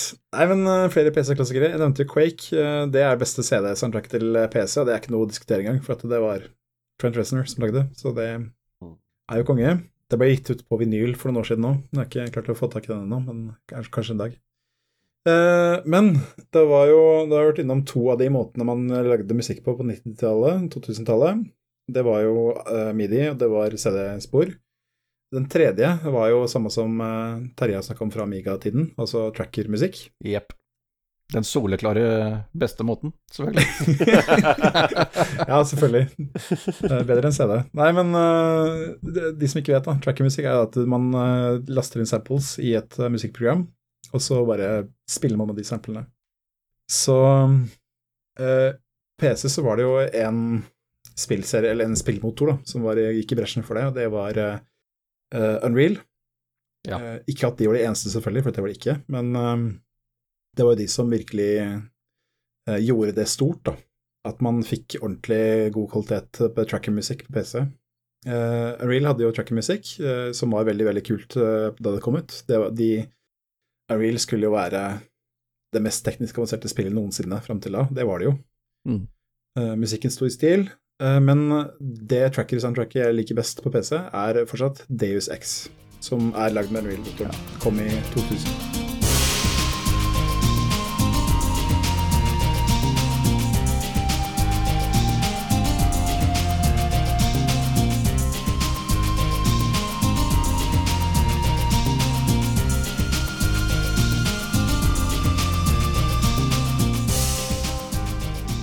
Fordelen, fordelen fordelen trackermusikk har over adlib og sånt, er at den er mye, mye mer fleksibel. Ja, ja. Med tanke på Du kan ha akkurat hvilke lyder du vil. Du er ikke låst til de der 60-70 forhåndsprogrammerte lydene, Mm. blant annet. Og, og lassevis med effekter og drit du kan slenge på, så ja. Ja, ja. Mm. Ja da, altså det er Altså, ja. eh, Jeg har brukt mange timer i Fast Tracker 2, for å si det sånn. Yes. Så Nei, altså det er eh, Jeg husker det med Fast Tracker, at jeg var veldig sånn at eh, hvorfor bruker ikke spillutviklere Fast Tracker, liksom, når de skal lage musikk? Altså Svaret er jo selvfølgelig at det bruker for mye ressurser av maskinen. Men um, Ja. på 2000-tallet så var jo tida kommet for at maskiner klarte å takle det, så da la man til trackermusikk i Unreal-motoren. Deus Ex det har eh, fantastisk musikk, ikonisk lydspor. Den introlåta er jo helt uh, konge. Hvor du liksom har eh, sånn uh, syntorkester som bygger seg opp, og så kommer liksom eh, eh, sluttreplikken i introen, ikke sant. Hvis man, hvis man har spilt Deus Ex, så vet man hva det er snakk om. Det er jo eh, Det gjør en litt corny ting med at de viser liksom siste bossene, skurkene, som forteller hva planen deres går ut på, Mm. før de begynner å spille. Men så er det jo skal de, så driver de og legger ut, og det er jo sånn Bond-skurk-type med en liten monolog hvor de skal legge ut hva de skal gjøre for noe, ting, og så bare Så sier han derre sjøvesten, han sier at eh, eh, We This will be the shining city on the hill, and we will be its kings. Or better than kings. Gods. Altså Akkurat når han sier det, så er det jo crescendo i musikken, da. Så det er, eh, passer jo helt perfekt, der å synka opp. Så det er Den Ja. satt, eh, satt et dype spor, kan du si. Ja, for det er jo også en ting med tracker, at det er jo basically på en måte et lite program som kjører. Det er ikke, er ikke streama musikk som en WAV-fil eller MP3-fil. For det mener jeg at mm. selv om vi fikk et løft i, i hifi eller lydkvalitet da, når vi gikk over til det, så mista vi det eh, muligheten ved å kunne ha den programmerbare musikken og dynamiske lydspor og, sånne ting, på en måte. På samme Mm. måten. Det kan du si. Det Ja. har jo kommet tilbake igjen, men Ja, det, eh, det har det. Det har det. Men eh, Ja. Men ja. Yes. Nei, men eh, jeg kan eh, eh, Jeg kan runde av med å ta noen moderne klassikere for min del. Vi nevnte Mario tidligere, og jeg vil, vil trekke fram ett Mario-soundtrack, så er det Super Mario Galaxy. Ja, det er nydelig. Som, altså, det var det første spillet til um, uh, i Mario-serien som kom på um, en maskin som klarte å spille av CD-kvalitetsmusikk, uten at det var noe veldig stor issues med det. Så Nintendo tenkte ja, greit, da spiller vi inn med orkester. Mm. Da tenker jeg spesielt på um, eh, Den heter Gusty Garden Galaxy. Ja,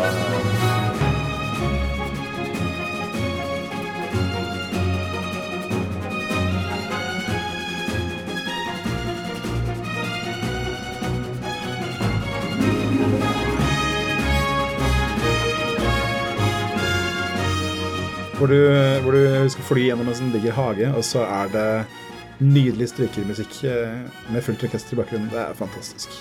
ja Mm. det er det. Så, så er det Terje kommer til å nevne noen eh, komponister han er veldig glad i. Jeg må nevne én, eh, eller to, da. Det er eh, Første er Disaster Piece, eller Rich Wayland, som det heter. Han har lagd musikk til i hvert fall Fez og Hyperlight Drifter, og det er de to beste spillesoundtracka noensinne. Punktum. det er akkurat opp min, opp min gate. Det er liksom litt sånn ambient, elektronisk Veldig sånn kompleks musikk. Altså ikke at det høres eh, veldig rotete eller brokkete eller sånt ut, men det er veldig sånn mange uvante harmonier og sånn noe. Eh, samtidig som eh, spesielt Fez har veldig sånn slekter veldig på Nintendo-musikk uten at det er noen kopi av noen ting. Det er bare Du merker det på lydutvalget og uh, akkordprogresjon og sånt, så er det veldig sånn retroorientert. Det passer perfekt til spillet. Hyperlight Drifter er et soundtrack jeg har på vinyl. Det er det eneste soundtrack jeg har på vinyl, for så vidt. Eh, det er eh, fire LP-plater. Masse, masse musikk. Som, og alt, alle områdene i spillet har egen, eh, egen musikk. Det er et mesterverk, altså.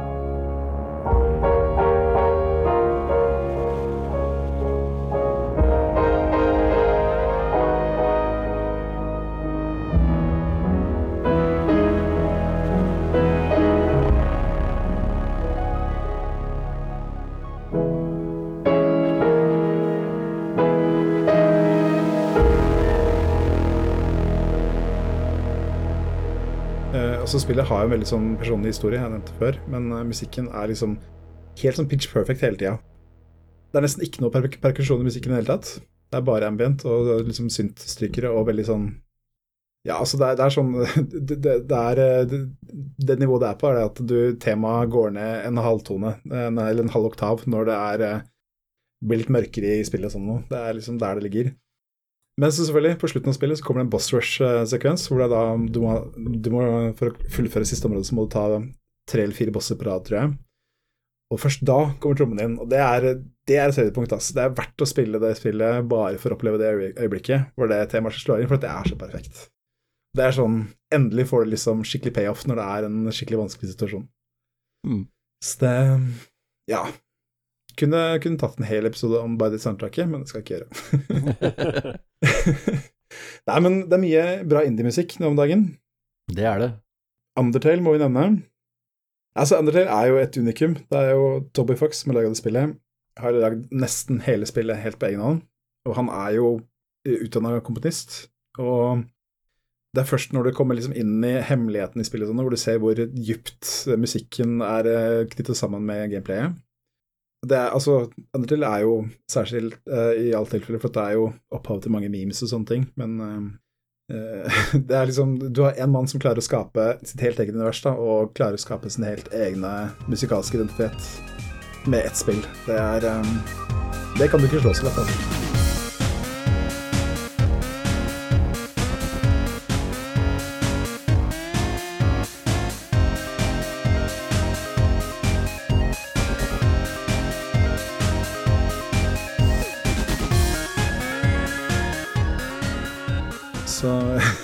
Så det, er, det må nevnes.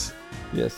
Pluss det er mye, kjempemye bra musikk i spillet. Men um, fra den første indie-belgen så var det jo Jeg husker jo Bastion. Mm. Ja. Um, og spesielt den temalåta 'Build That Wall'. ikke sant? yes. Når du kommer et stykke ut i spillet, så er- begynner du plutselig å spille en sang med vokal.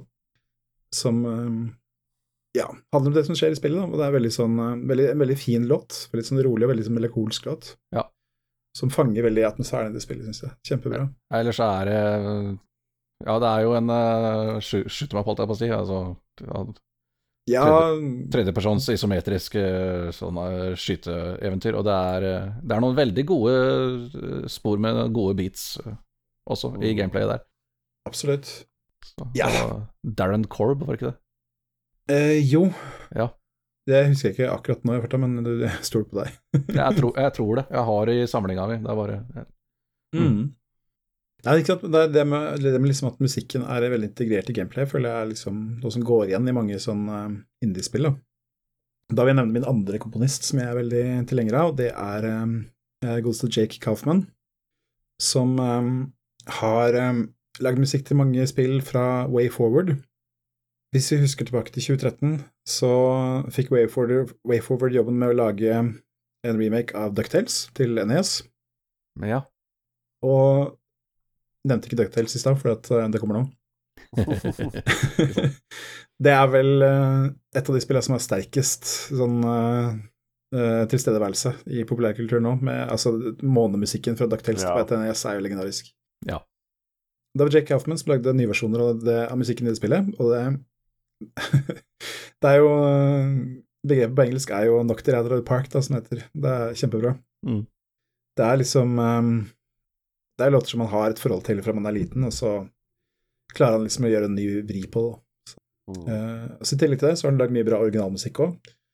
Men det jeg vil spesielt nevne der, det er Shovel Night-serien. Som ikke, ikke bare han. Det, han fikk også med seg hun ene som lagde musikken til Megaman tilbake i eh, gamle dager. Mm. Men det er mest han, da.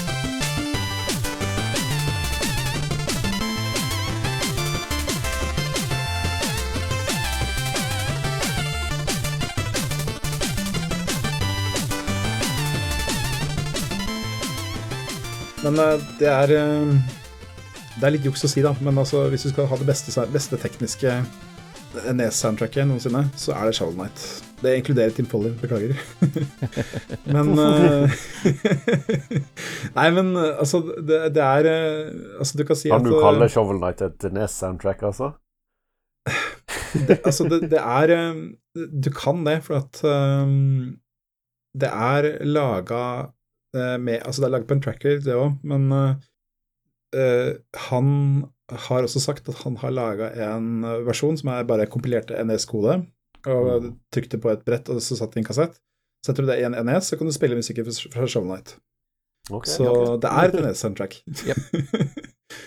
så Men det er eh, liksom Det vil jeg si er absolutt høydepunktet. Han er en fantastisk komponist, og det er liksom det, de låtene går mye lenger enn det man uh, har hørt på NES mm.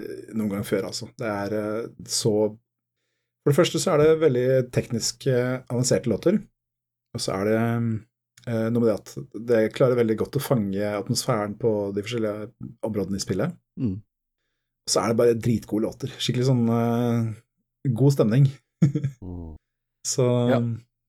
Show Night, det er eh, 11 av 10, vil jeg si, når det gjelder eh, NES-soundtrack og Ja. spillsoundtrack i det hele tatt. Ja, Han kom vel fra chiptune-scenen, for det er jo det er jo en egen musikkscene uh, i nyere eller har alltid vært, da, som har fort, Ja, ja. fortsatt å lage musikk på de der gamle brikkene for musikken sin egen del, som ikke Ja, ja. var meninga å høre til noe spill eller noen ting, men ja, gjerne i, i demoscenen og sånne ting også, så ja. Men Altså, det er verdt å si at uh, altså, Jake Hoffman er jo formelt utdanna komponist, han også. Han er jo han er ikke en amatør, liksom, i det hele tatt. Så det er Ja. Og altså, en, en annen, apropos når vi snakker om vokallåter og sånn nå, et av de kanskje litt mindre kjente soundtracka hans, det er til uh, en remake av Double Dragon, som heter Double Dragon Neon, Ja. som går veldig hardt på 80-tallsvibber. ja. Og øyeblikket hvor du, hvor du skjønner at dette spillet er virkelig, virkelig bra, det er på andre brett, hvor eh, du starter spillet, og så kommer det en helt perfekt 80-tallslåt, sånn eh, 80-talls synthpop-låt med vokal. Bare sjekk ut den låta. Um, det er, eh, det er det, Altså, hadde den blitt gitt ut på 80-tallet, så hadde det blitt en eh, listetopper. Så det er um, Stemmer. Sier noe om nivået, da. Mm. Ja. Jeppers. ja. Ja, altså Nevne noen klassikere fra andre klassikere fra nye tid. Uh, altså, mye er jo indie, så som jeg liker veldig godt, men um, Outer, Wilds, Outer Wilds har vi nevnt 100 ganger før på podkasten. Oh yes. Men altså, eh, temamusikken til Outer Wilds er mesterverk, altså. Så det er eh, Den må man også sjekke ut. Mm. Så skal jeg si en ting til, men jeg dropper det. Vi kan nå har jeg pratet nok. Å, er det min tur å ha monolog? Din tur. Ja, men Ja. jeg gleder meg til Team Follin. Du Jeg gleder meg til timevis med Team Follin her. Nei, vet du, det har jeg ikke tenkt å komme inn på noe i det hele tatt. Altså, det, men jeg hadde tenkt å kommentere det, at eh, i og med at jeg holder på med det Tim Follin-greiene jeg holder på nå, så har uh, veldig mange fått inntrykk av at jeg er spesielt blodfan av Tim Follin, men nei, jeg er ikke det. Jeg er uh... Jo, du er det, Terje. Det er, du er, det er kanon, det nå. Du er blodfan av Tim Foren. ja, altså jeg, Ja, men Det jeg prøver å si, er at det er ganske mange av disse gamle komponistene som jeg er uh, veldig fan av musikken til, og Tim Follin er blant dem. Det, det vil jeg si. Ja. Grunnen til at det var interessant å dra i gang det prosjektet med å bare spille gjennom hele spillhistorien og spillmusikken hans, er fordi han har vært innom så veldig mange plattformer. Ja. Det starta på ZX Spectrum og Amstrad, og så Commodore 64, Amiga, og så over på konsoller, Nintendo, Super Nintendo, og videre fram til ca. 2006 er vel der det stopper, den for å si klassiske perioden hans, da. Mm. Så, så det var et interessant prosjekt for um, de aller, aller fleste de, eh, som har hørt om musikken hans, har, husker den musikken fra de var små. Altså de som hadde Nintendo, husker Nintendo-musikken hans. Jeg som hadde Commodore 64, husker Commodore 64-musikken hans, men kjenner ikke til resten. Og derfor var det litt moro å gå, prøve å gå gjennom alt, da. Og, yeah. og, og samtidig skrive om alt, for å kanskje prøve å presentere det litt for de tre som følger med. Mm. Ja, så da har du ikke, da har du ikke prata ting om Tim Follin? Nei, det ble Nei, bare, bare for å kvalifisere det. Ja, ja, men det er bra, det. Så eh, Nei, jeg vokste opp med, ikke med Nintendo som nevnt, jeg vokste opp med Commodore 64 og hadde etter hvert Amiga i tenårene. Og det er der jeg har alle de gode minnene mine. Og det, det er så mye å ta av at det er vanskelig å vite hvor den skal begynne. Så jeg vil prøve å dra fram noen litt mer unike.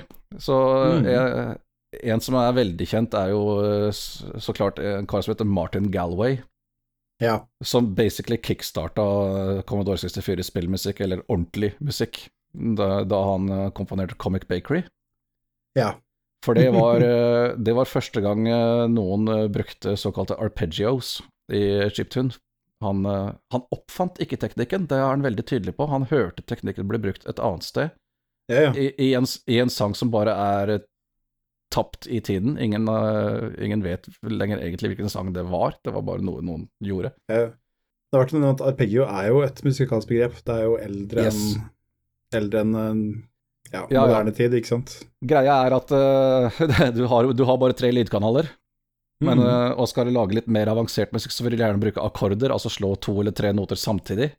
ja. Og det er klart, slår du tre noter samtidig på en brikke som har tre lydkanaler, vel, så kan du ikke gjøre noe annet, du kan gjøre bare det. Ja. Så for å prøve å få fram akkorder, så det de isteden gjorde, var å ta de tre notene i akkorden i én lydkanal og bare spille de dritfort etter hverandre, igjen og igjen. Sånn skikkelig Mm. dritfort. Og du får en veldig sånn unik lyd som, får, som egentlig krever litt tilvenning, men eh, det, Ja. det, er, det er sånn veldig boblende, det høres ut som du prøver å drukne maskina, egentlig. Men det fungerer. Det er akkorden du hører, ikke, ikke enkeltnotene.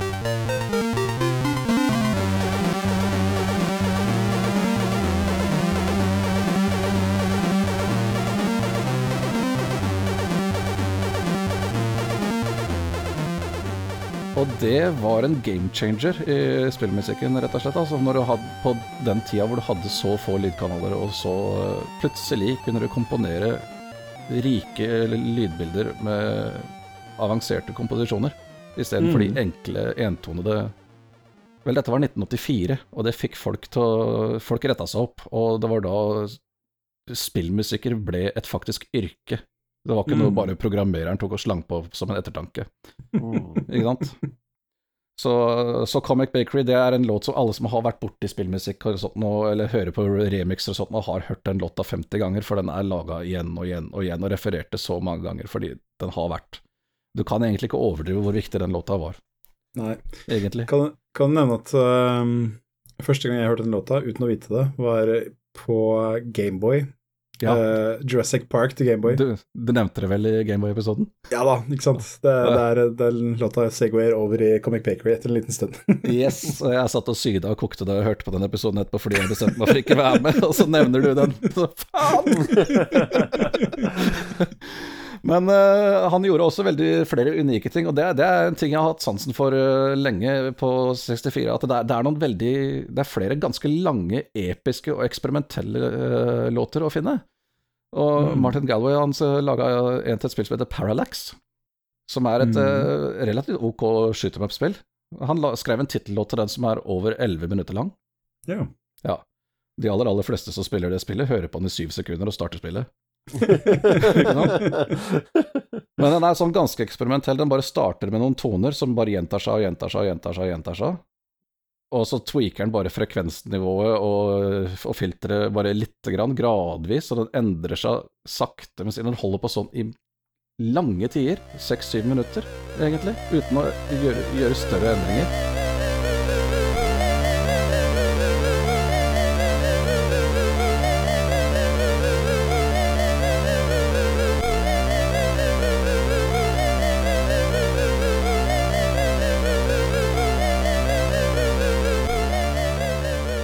Før den gradvis til slutt by endelig bygger over og kommer over et lite melodisegment sånn ute i det åttende minuttet eller noe sånt noe.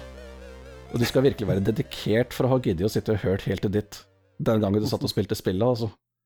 Altså, hva, ja, hva åtte minutter, eh, åtte minutter før eh, du får noe payoff, liksom. Det, Ja, og, det, og, hvor, den mange runder den, med Parallax rekker du på åtte minutter?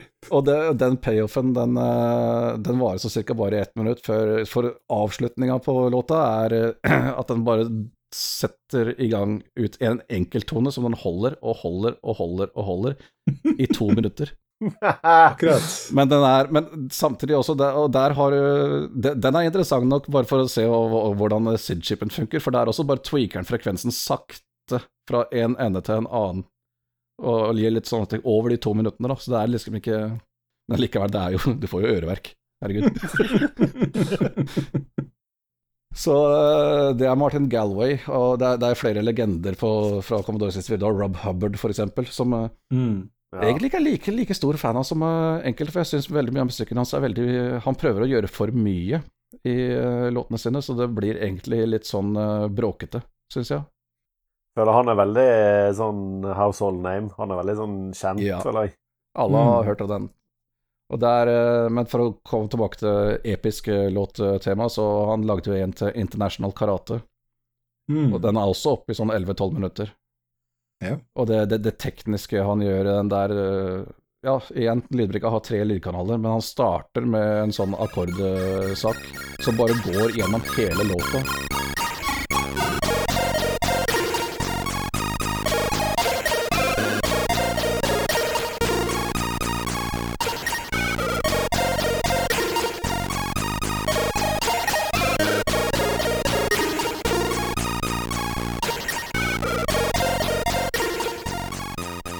Er i bakgrunnen, du hører den hele tida, men likevel så har du melodi, bassgang, trommer og sånt. Og han får pakka alt dette her inn på en fornuftig måte uten å måtte ta fjerne noe. Ikke så du legger merke til det, i hvert fall.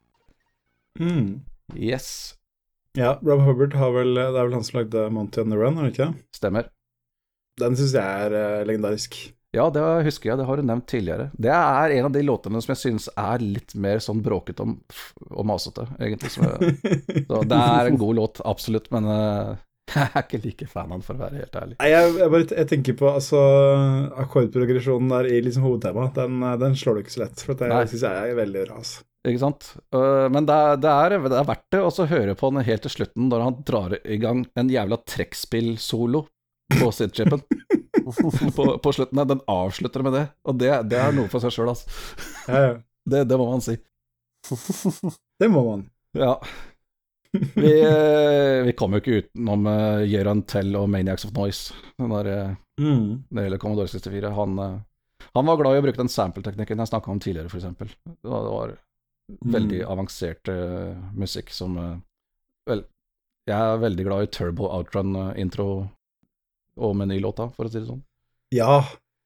Det er vel ikke et kjempebra spill, men det er jo en veldig Det kul er- eh, Overhodet ikke et bra spill. Ikke på Commodore 64 i hvert fall. Arcade-spillet er dritbra. Men Ja, ja. Mm. Ja, uh, Jeremy Tell var vel også han som Han lagde vel musikk til ett av Last Ninja-spillet, var det ikke det? nei. Nei, han var ikke det. Var det ikke det? Nei. Jeg husker feil, sorry. Jepp. Uh, uh, men eh, Last Ninja har også vært det nærme Last Ninja 1 var jo eh, Ben Daglish og, og, og, og eh, Nei, nå har jeg jernteppe på han andre. Sorry, for det var Ben Daglish jeg ville snakke om. Jep, gjør det. Han, eh, Rob Hubbard har jeg forresten møtt på retromessa, for, for, bare for å Mm. legge inn det. For jeg tenkte Ben Daglish han gikk jo dessverre bort for noen, noen år Ja. siden av lungekreft. Og han, eh, var på, han også var på retromessa året før han døde. Og jeg rakk heldigvis å treffe han og hilse på han. Og det, fy fader, det var en fantastisk fyr. altså. Det må jeg si.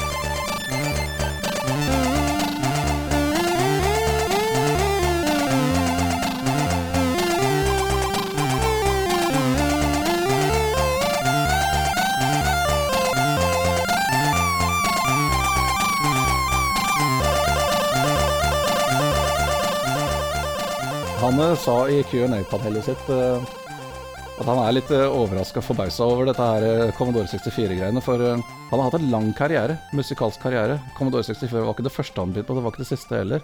Mm. Det var bare noe han holdt på i en periode på fem år, liksom. Og så eh, Ikke sant? Og så er det det han blir masa på å få fanbrev og fanmail om eh, hele tida, ikke sant? For han var det var liksom bare en greie han gjorde fem års tid, og så gjorde han noe annet. Mm.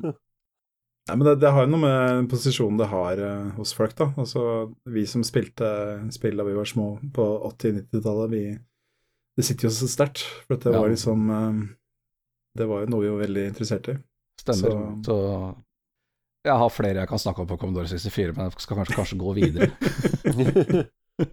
Du har vel noe å ta tak i på Amiga òg, tenker jeg. Ja, absolutt. eh, vi eh, Ja. Uh, vel, vi kan, ta, vi kan ta Chris Hylsbekk, da. For Mm. jeg har, jeg har snakka om Turk 2 Toof før. Og vi har snakka om eh, soundtracket her eh, før, og hva som Mm. gjør det egentlig bra. Så jeg tror egentlig ikke jeg skal ta, gjenta det her nå. Nei da, men altså det, er, altså det er bare å Det kan du søke på Spotify og bare høre sjøl, for at det, det, det, blir, det, det, bør det bør- man gjøre, for at det er helt, helt fantastisk bra. Det Yes. er, eh, Og det, ja, men jeg har beskrevet før hva som er teknisk eh, imponerende med det. Jeg husker ikke nøyaktig hvilken episode. Nei da, men eh, vi, folk, folk vet det da. Yes. Vel, han starta jo på Commodore 64, han også, for, for øvrig, med et kjent tema. ja. Eller, eller var ikke det han begynte med, men, faen, men det jeg husker er eh, det, selvfølgelig Giana Sisters, er jo sånn ikonisk intro ja. som han laga. Men Skal vi se Amiga, ja. Eh, vi kan nevne en nordmann som heter Bjørn Lynne. Ja. Han starta egentlig demoscenen og kalte seg Dr. Awesome. Var en demogruppe som heter, eh, het Crusaders, og det var den gruppa som dro i gang The Gathering, for, for øvrig. Åh, Ja, ja. Og var, eh, og var de som organiserte det i mange, mange år. Nei, jeg, jeg har prata med Bjørn Linde på The Gathering og kjøpt CD-en og fått signert. Så det har Yes, ikke sant? Mm. Bjørn Linde han begynte å jobbe sa litt sammen med Han jobba frilans eh, på spillmusikk til å begynne med. Hun jobba mye sammen med Team 17 også, og er han som har komponert det originale Worms-temaet.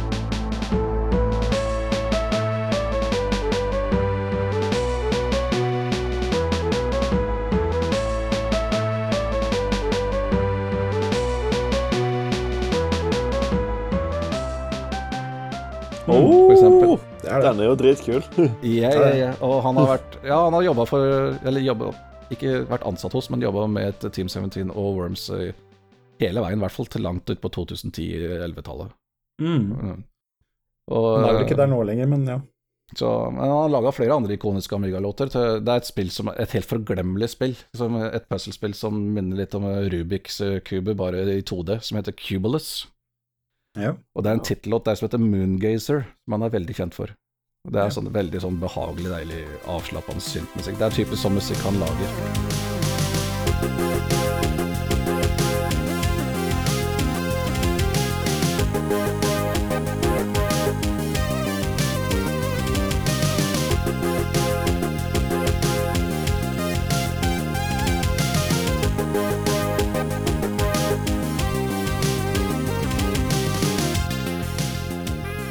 En liten trivia, det er den sangen som åpner episode én av podkasten vår. Oi, oi, oi. Ja. Uh, Så- Der har vi den. Jepp. Ja. Og så eh, Ja, det er eh, Barry Leitch er jo en eh, som Nintendo-generasjonen har hørt om, vil jeg tro. Ja. Han, han laga musikk til en god del bilspill, annet Top Gear på NES. Oh. Ja. ja. Men det mange ikke vet, er at omtrent all musikken i Top Gear på NES er Eller, eller var det Super Nintendo? Sorry, det var Super Nintendo. Det. Super Nintendo. Ja. All musikken der er egentlig bare remakes av musikk han har laga tidligere til Amiga-spill. ja. Yes, altså Særlig da snakker vi om Lotus Turbo Challenge-serien. Ja, ja, ja. Jeg har var borti den. Ja. Mhm. Den tror jeg kom på DOS, eh, MS-DOS òg. Ja, det gjorde den nok. Selv om den hadde samme musikken, det spørs.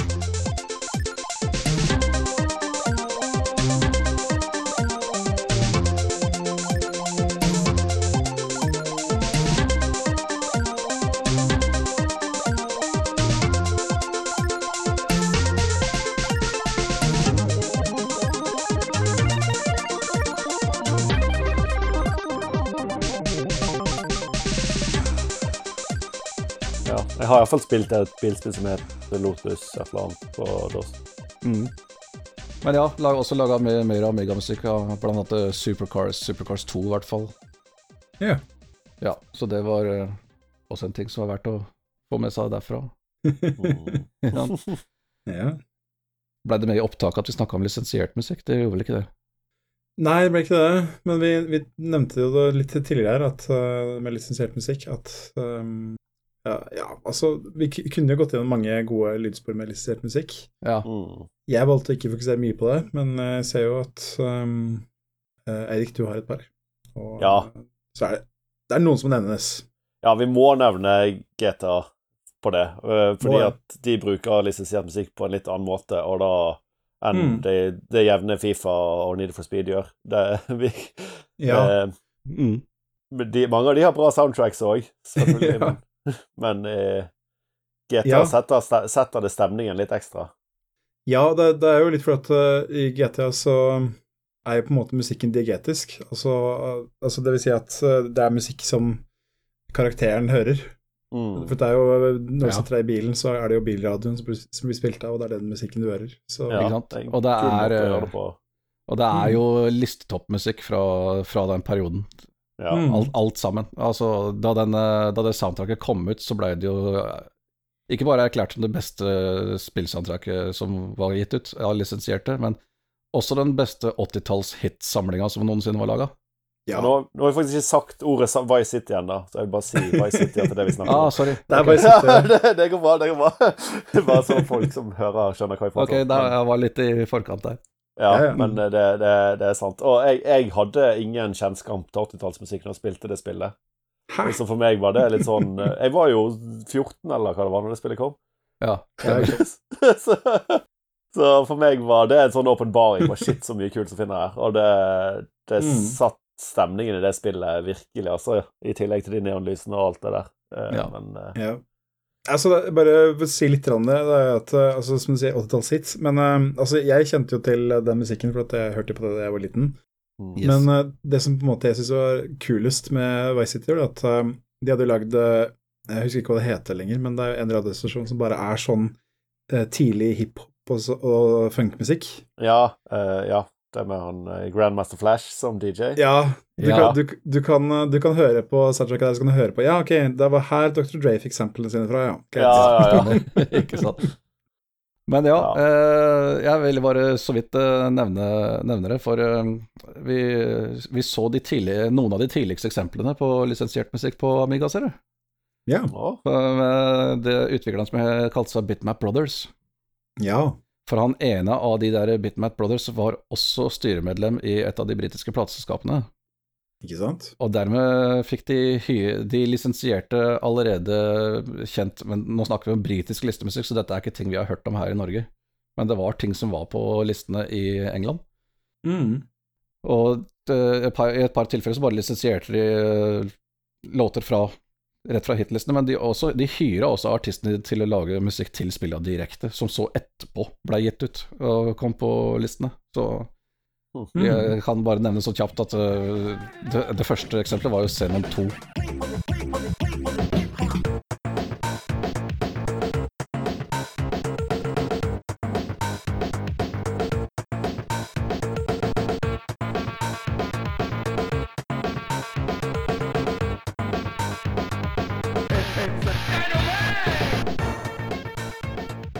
Egentlig også en veldig bråkete låt. Fra en gruppe som kalte seg Bomb the Base. Det er en sånn veldig Ja, ja. sample-heavy uh, greie, som het uh, Megablast. Ja, som det var på den tida. Ja, ikke sant. Og et annet spill som heter Magic Pockets, Uh, der har sampla en god del fra en låt av ei jente som het, kalte seg Betty Boo. En låt som heter Doin' the Do. Ja.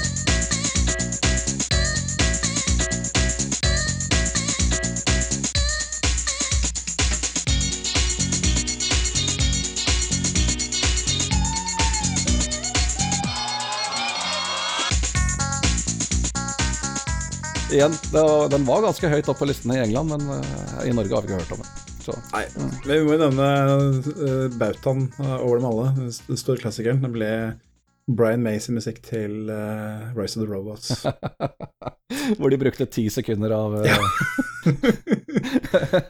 eh, Ti Så- sekunder sånn, hvor han bare napper i en gitarstreng eller to.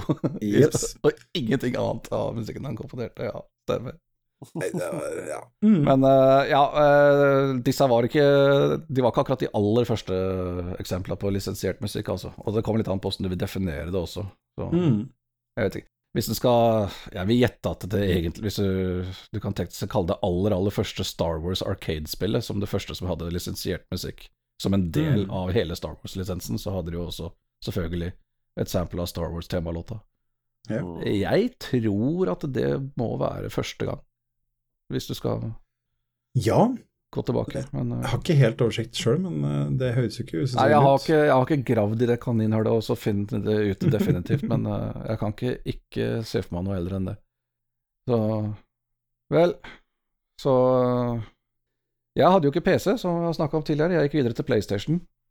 Ja. Og jeg spilte et spill som også var på PC, som heter Tunnel B1. ja.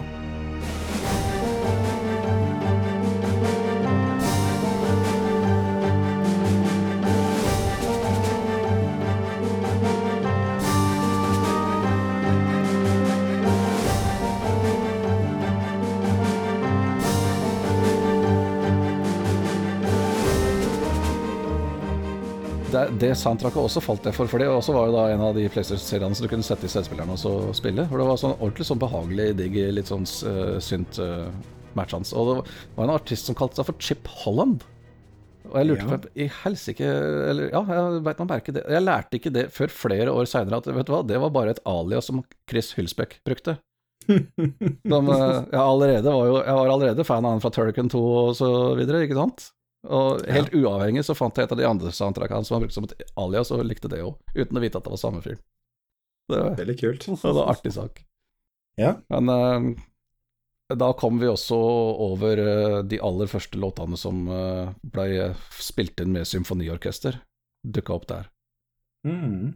Og det aller, aller første som blei spilt inn, er et spill som heter Heart of Darkness.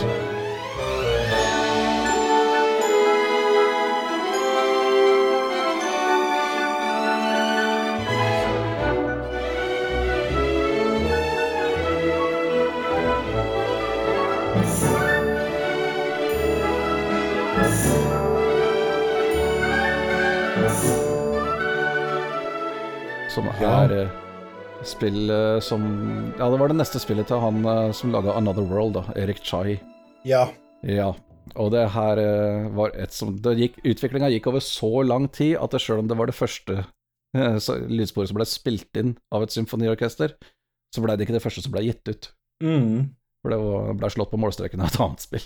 Det jeg ikke husker hva var en gang i farta, for det, det var noe helt forglemmelige greier som ja, ikke noe å bry seg om. Men jeg spilte også noen andre spill på PlayStation som het uh, Kurushi, sånn puzzlespill. Jeg tror jeg har tatt uh, opp her tidligere. ja, jeg tror du har nevnt det. Ja. De også ble spilt inn med symfoniorkester uh, ganske tidlig. Og Det er nice. ja, og det, i begge disse tilfellene så var, var dette folk som vanligvis komponerte for film og TV. Som de Mm. leide inn da. I Heart of Darkness tilfelle så var en, en komponist som heter Bruce Broughton. Og om ikke du har hørt om ham, så har du, har du hørt musikken hans. Han laga mye musikk til TV-serier TV sånn som du har hørt. Så. Og han eh, ja, japaneren som komponerte til Kurushi, han eh, har jo ikke laga noe, du- noe du har hørt om, men han var også en veldig kjent sånn komponist fra TV, da. Det, borti Mhm. Japan. Mm. Ja. Så det var noe. Ja, ja, ja. Det er, det er liksom det, En av de tingene jeg liker best med spillmusikk, er at det er, liksom, det er så mye du kan grave i. Ja. Og så er det Jeg, jeg kunne, kunne jo fortsatt i timevis med ting Ja, som jeg har altfor mye. Ja. Jeg har prøvd å gå litt fort igjennom, for å si det sånn. For eh, Ja, ikke sant? alle de tinga jeg har nevnt nå, kunne jeg liksom brukt fem og ti minutter på individuelt på hver av de. ja, Ja. I tillegg til alle de tinga jeg har hoppa over. Så Ja. hva faen. yes. Nei, men uh, har du litt flere høydepunkter å trekke fram, Terje, før vi går videre? Ja, det er jo snakk om litt, eh, de litt mer moderne tinga, da. Ja. Ja. Eh, Jeg ser en ting vi har til felles der, i hvert fall. Den må jeg iallfall nevne. ja, da kommer vi på Har vi, har vi vært inne på den der at det her-delen vår ennå? Nei, ikke der. Vi er, vi er på bra fortsatt. Timesplitters, tenkte jeg. Ja, du tenkte yeah. på den, ja. ja. Ja. Yes, jeg er si. eh, veldig, faktisk veldig glad i Timesplitters-soundtracket. ja jeg er Ja. helt enig. Det er veldig bra. For der eh, Ja, han har laga Han har laga alle låtene De er tematiske da, til alle nivåene. For det- Timesplitters er jo spill der du hopper rundt i forskjellige tids, tidsperioder.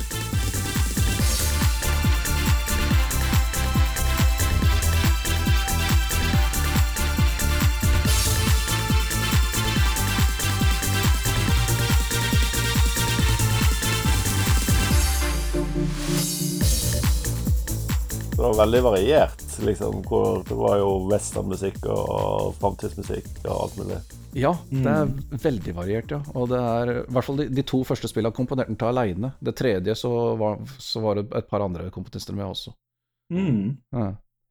Men han er jo Han starta jo ikke med Timesplitters, han, men jeg har ikke forska litt. Men han var jo opprinnelig rare, han òg, som eh, de fleste av disse Free Radical-folka var. Ja. Mm. Så, eh, men var han Jeg husker ikke, altså, men var det komponerte han for Perfect Dark, tru? Kan det stemme? Det kan jo fort hende at stemmer, ja. Det er ikke han som var på Golden Eye òg, var det? Det er vel han der Er det Grand Kirkhope, det, kanskje? Det er jo en sånn rare klassiker Mm. eh, komponist. Jeg har ikke helt oversikten der, i hvert fall. Men, Ja. Nei, ikke jeg heller, altså. men den Golden Eye-musikken syns jeg òg er jævlig kul. Så, Ja, ja. Apropos. Og eh, så er vi selvfølgelig er vi inne på indiespill, eller om du vil kalle det indie eller ikke. Det, ja. Ari Pulkinen, finske Ja. Ari Pulkinen, han eh, oppdaga jeg første gang eh, da Super Stardust HD kom ut på PlayStation 3. ja. Mm. Jeg hadde ikke hørt om han før, det tror jeg ikke så veldig mange ganger. Jeg tror det var noe av det tidligste spillsoundtracket han egentlig kom med. Ja. Ja. Ja, nei, jeg, liker veldig godt uh, soundtracket hans til Next Machina, som også er Yes. lagd av Hasmark. Det er kongemusikk. Mm. Veldig kul uh, synthwave-greier. Så og det er et eh, sånn der eh, survival, à la survival holder for tredjepersonsspill som eh, heter Shadowgrounds. Ja. Som er, det er sånn mye mer atmosfærisk og litt mer tyngre industriell, og han har med seg gitaristen fra Lordi, det der Melodi Grand Prix finske yeah, ja. metal-bandet, vet du. Ja. Han har, gitaristen der har han med seg til å spille på, på den, det er litt artig. Ja. Men uh, det faktisk mest kjente han har komponert, er jo Angry Birds-temaet. Ja, ja. Det er det også han som har gjort. Uh, ja, ja, ja. yes. Det er kunst, det òg. Og så har jeg falt for en annen britisk eh, musiker, eh, indie-musiker i det siste, som heter Gavin Harrison. Ja. Og han har komponert til flere sånne indiespill som du har Vel, hvis ikke du har vært borti det, så har du ikke hørt om de heller. Altså. Uh, Ja. først, første gangen jeg hørte om den, så var det et indiespill Det var et spill som heter Halfway, Mhm. som er et sånn XCOM-lignende uh, sci-fi-spill. Ja. Ja. Og, men det er dessverre ikke spesielt bra. Og det, men det var, det var traileren til spillet som, uh, jeg syntes det var dritbra musikk i, og jeg leita opp hva, hva var det her, og så derfor kjøpte jeg også spillet da det kom ut. Men det viste seg at de, det, var, det var jo tidlig i utviklinga i spillet da den traileren kom, og de endra retningen, eh, den musikalske retningen til spillet underveis i utviklinga, så det var ikke sånn musikk i det hele tatt i spillet, det var mye mer atmosfærisk. Mm. Men hvis du kjøpte soundtracket, så fikk du allikevel med de tidlige versjonene som han laga, så du fikk den bra musikken med likevel. Nice, nice. Så jeg, jeg fortsatte å følge han. Han er, han har jo, er jo på bandcamp, så mm. han har laga musikken eh, flere Det er et annet spill som heter Light, som er et sånt veldig enkelt stealth-spill. Veldig Ja. kort også, så du, runder det på under en time, dessverre. Så enkelt, eh, greit, og, og ja, altså får- du tak i det for 10-20 kroner, så spillet altså, så kan jeg anbefale en gjennomspilling. For jeg, liker estetikken, og det er grei stealth-mekanikk, men det var et skikkelig, skikkelig smooth lydspor. Det må jeg bare Ja. si.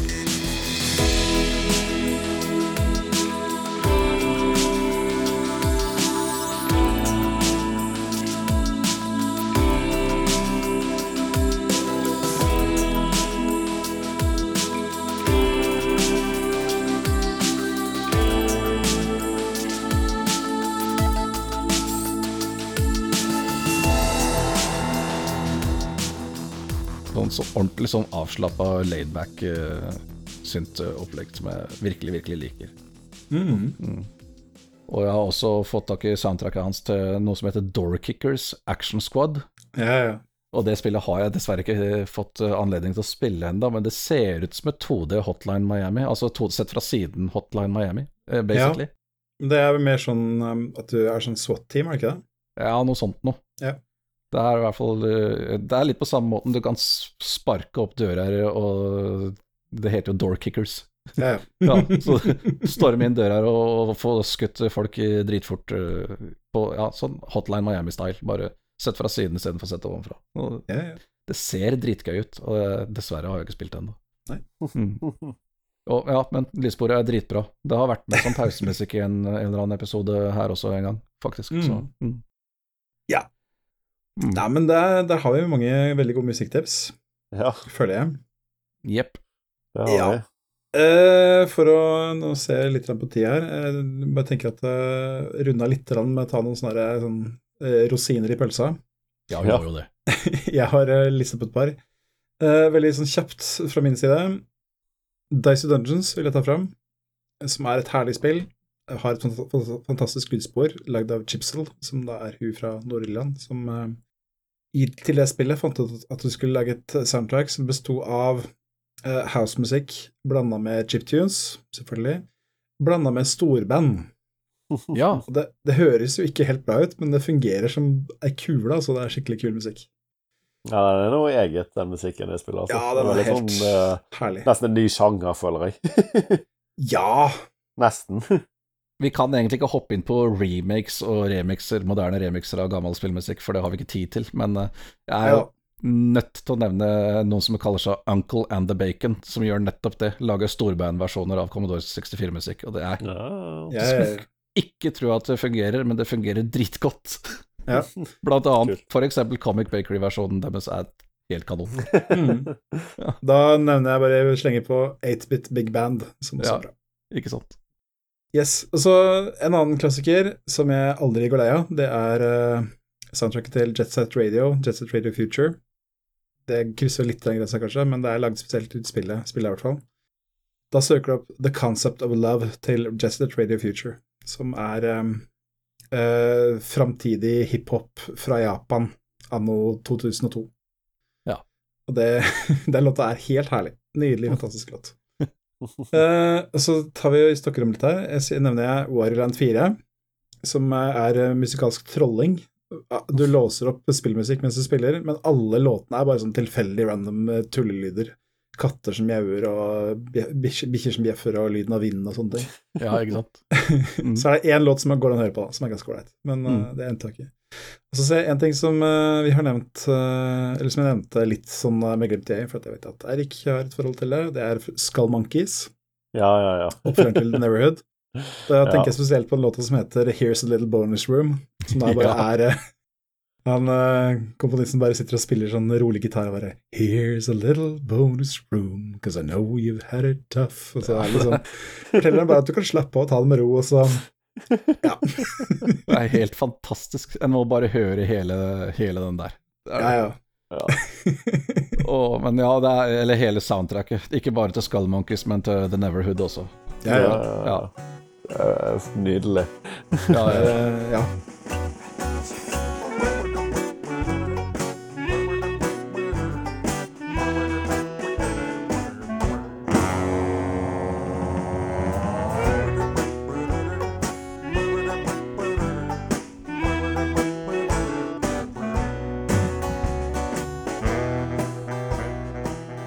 ja. Ja. Er liksom frijazz eh, slash eh, etnisk world music. Det, ja altså, det er noe, he det er noe helt uh, unikt. Det er noe Ja. helt for seg sjøl. Ja. Er. Altså, ja, det er, Det det, er jeg har egentlig ingen verdens ting jeg kan sammenligne det med. Nei. Mm. Yes. Mine, det jo mine små rosiner i pølsene. Ja, Ja. Har du noen du vil ta, Terje? ja eh, kan nevne en artig sak som heter Jumpin' Jackson. Da er vi tilbake på Amiga igjen. Ja. For det er sånn sett ovenfra sånn puzzle-plattformer. Mhm. hvor, du, eh, hvor det ikke er noe lydspor i utgangspunktet når du starter å spille. Men, Mhm. For eh, det ligger noen eh, farga vinylplater rundt omkring på eh, nivået som du må hente, og så må du legge på den riktig farga platespilleren. Jo.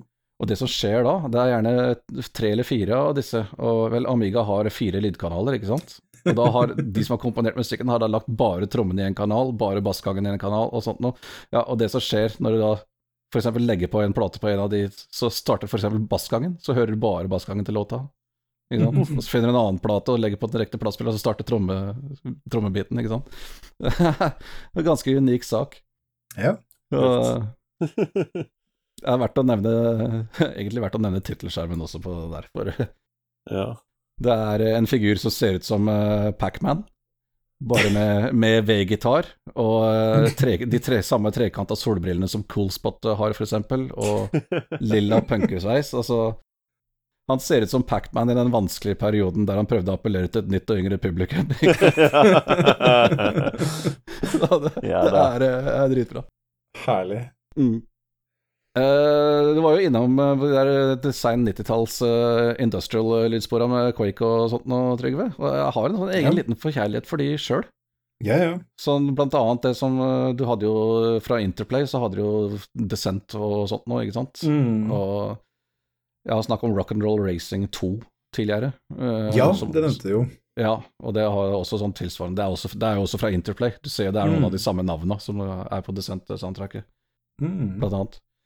Og så er det litt, eh, litt mer obskurt eh, PlayStation-spill som jeg egentlig likte kun pga. soundtracket, og det er noe som heter Shadow Master. Ja.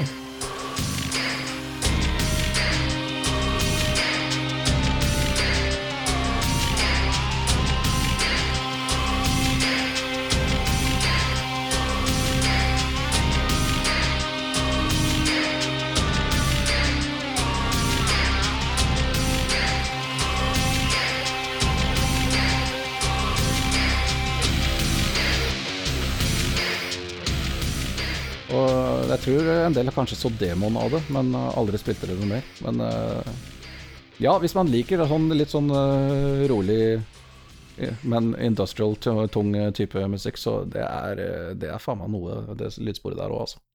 Det må jeg si. Mm. Stemmer, stemmer, stemmer. Yes. Jeg har òg en liten Jeg kom på jeg har en sånn at det her-greie.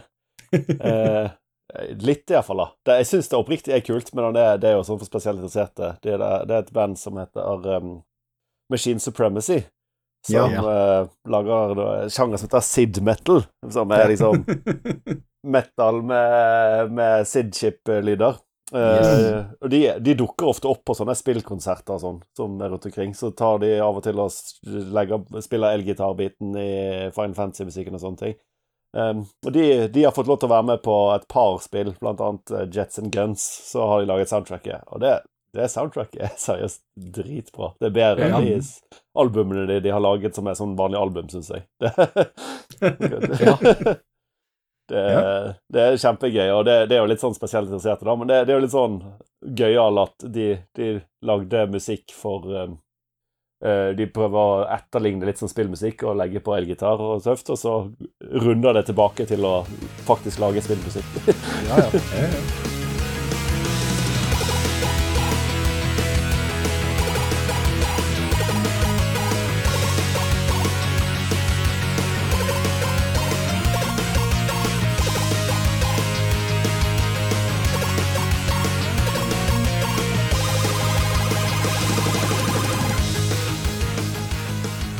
De har jo også De lager jo også reine metallcovere av eh, gamle eh, Commodore 64-spill. ja, ja, ja, de gjør jo det. Så Sånn, de gjør er litt sånn Som også er konge. Det var, det var sånn de kom på kartet, vel, med Giana Sisters-coveren deres. De bare lasta den opp på Ja. C64remix.com, som er en stor side for Commodore 64 Remix. Ja. De bare heiv den opp der, og bare wow. ja. Det gikk jo, fikk jo alle stemmene med en gang.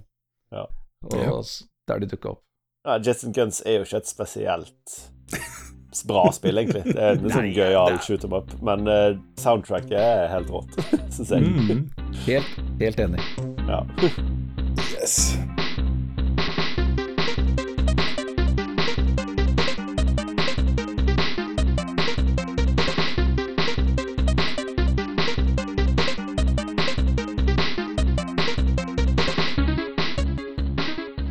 Ja, men uh, vi har uh, Jeg tror vi alle har ting vi ikke har fått prata om, men nå ja. tror jeg vi får uh, gå videre. Først da så må du eh, anbefale et essensielt eh, grooming-verktøy her, skjønner jeg, Eirik. Hva er det du har Ja. å avsløre? Jeg har jo en sånn liste over ting jeg eh, vil spre anbefalinger om. Så Ja. det, min, min dagens anbefaling fra meg heter Groommate Platinum XL. ja. Ja. Eh, det er en eh, Jeg må vise den for dere to, da. Eirik har med seg, vet du. Det er bra. ja, ja, ja. Ja. Det er en liten Laserpeker, ser jeg. Ja. En liten metall nese, nesehårtrimmer. Ja. Jeg har vært Altså, vi er alle som hører på dette, er sikkert middelaldrende menn med hårvekst som må kontrolleres. Ja. Eh, Kjenner ikke igjen der, altså. Nei, nei, aldri vært borti. Så når, når det begynte å gro uh, fæle, lange hår ut av nesen min, så uh, i tidlig 20 år, så skjønte jeg det må jeg gjøre noe med. Og så har jeg kjøpt forskjellige sånn nesehårtrimmere, da. Med sånn elektriske. Men de har alltid hatt sånne ræva motorer, så med en gang det blir litt grann nesehår i den, så klar, klar, takler ikke jobben. Og denne er manuell. Du skrur på den for hånd. Så det er ingenting som stopper deg. Men eh, den er helt gull, altså. Jeg har hatt den i, i ved seks år. Jeg sjekket mailen min når jeg kjøpte den, og koster 250 kroner. Og mm. ingen vedlikehold eller noen ting, og gjør perfekt jobb. Og lugger ikke eller noe sånt. Mm. Så den, den er gull. Kj- Kjapp, Ja. Kjapp og fin anbefaling. Ja, Dagens uh, intimhygienetips der, altså.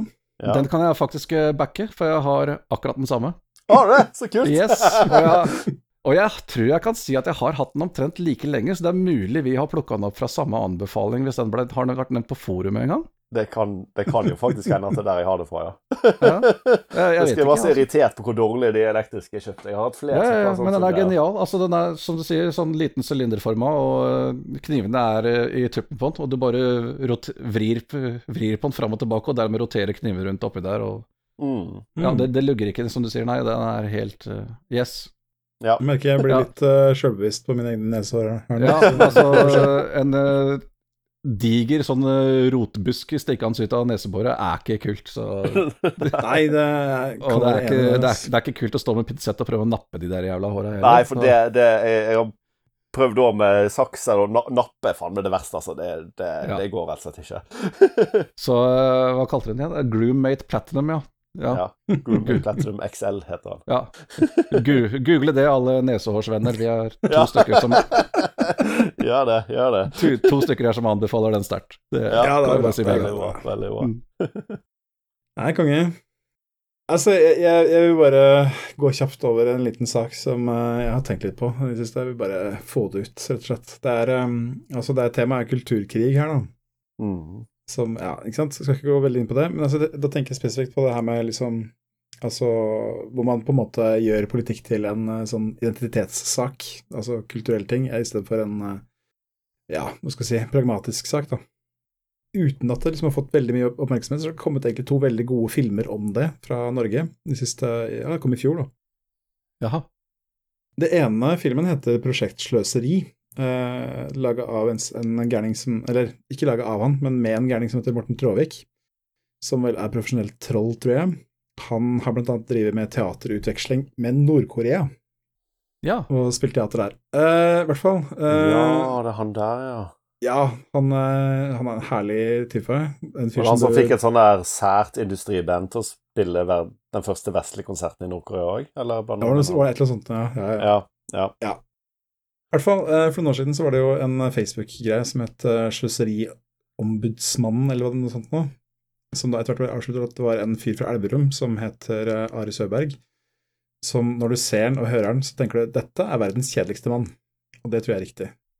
Eh, hele poenget der var at man skulle henge ut eh, kunstnere som drev med sånn performance og eksperimentell kunst, og så liksom ta det ut av kontekst, og så eh, gjøre narr av det og si at dette her går skattepengene våre til, det er sløseri, få det vekk, vi vil ikke ha det.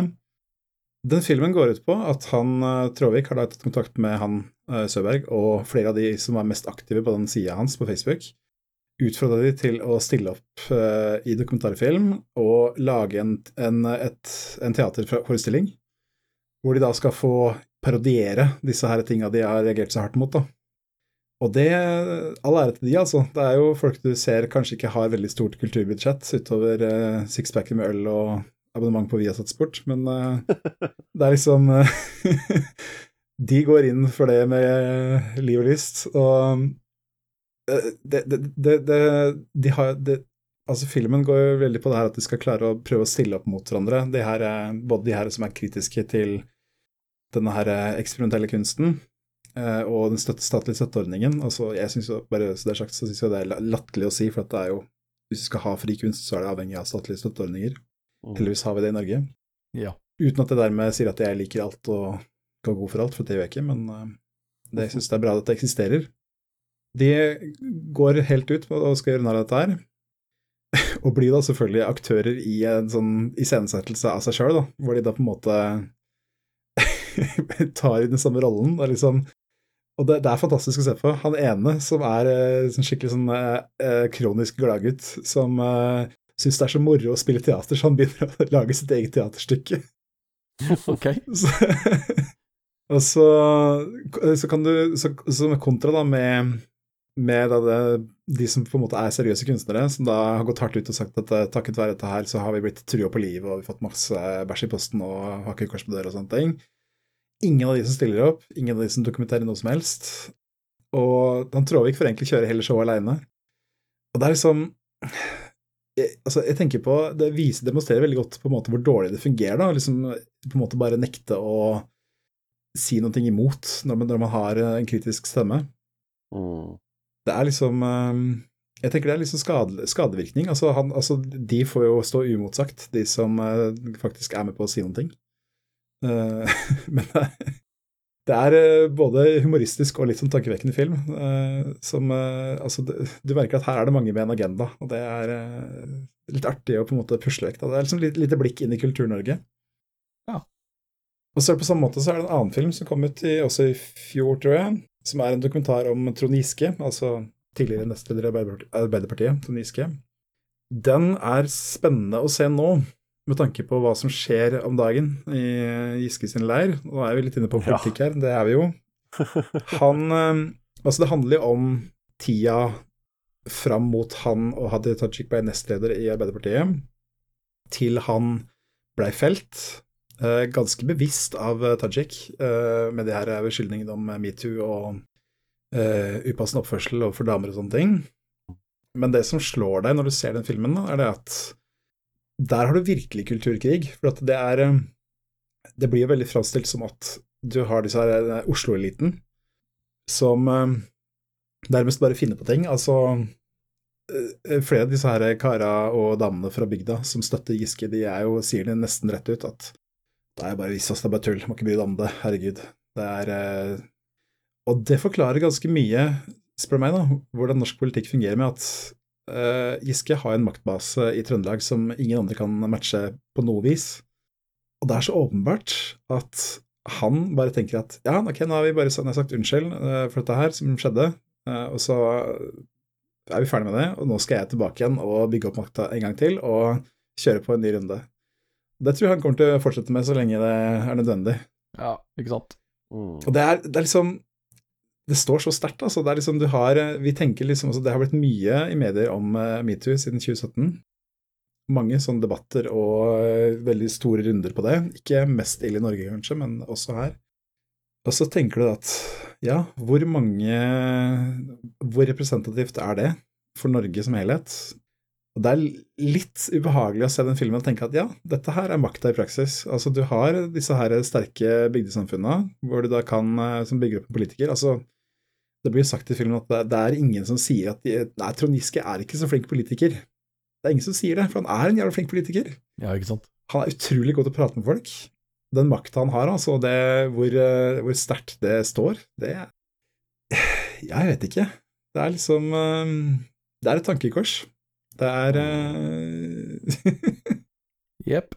Dette blir litt sånn, det litt sånn rambling, dette her også, men det er liksom dette her er liksom ting som man uh, egentlig må ta litt inn over seg. For sånn fungerer i praksis. Altså, du kan si at ja, du kan gjøre hva du vil, altså, men uh, folk er ikke så lette å snu.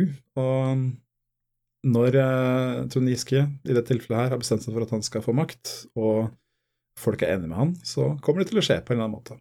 Det Ikke sant. Ja. ser vi nå. Mm. Så det er Jeg har litt sånn samfunnsperspektiv der, men det er, det er sånne ting jeg syns er eh, interessant å tenke på, i hvert fall. Ja, det er jo det. Det er jo spennende. Det er jo sånn absurd å følge med på. Ja. Mm. Yes. Nei, men eh, ja. Det var nok uh, samfunnskritikk og samfunnsobservasjoner for uh, i hvert fall en måned, tror jeg. Da Ja. tror jeg vi får seile oss inn, i, inn til havn. Nå har vi holdt på i snart to og en halv time, så det begynner å bli Ja, opp, opptaket i hvert fall. Det er ikke sikkert episoden Ja blir fullt så ja. Spennende. Vi får se. Det var derfor jeg sa vi holdt på i to og en halv time. Nei, men uh, vi har jo en stor nyhet sånn på tampen for alle de som har giddet hørt så lenge, som også blir annonsert med episoden, tenker jeg. Det er det at uh, Spillegads podcast har fått sin egen e-postadresse. Uh! Oh yes! Yes! Velkommen til 1994! Tilbakemeldinger! Tilbakemeldinger! Oh, deilige tilbakemeldinger. Ja.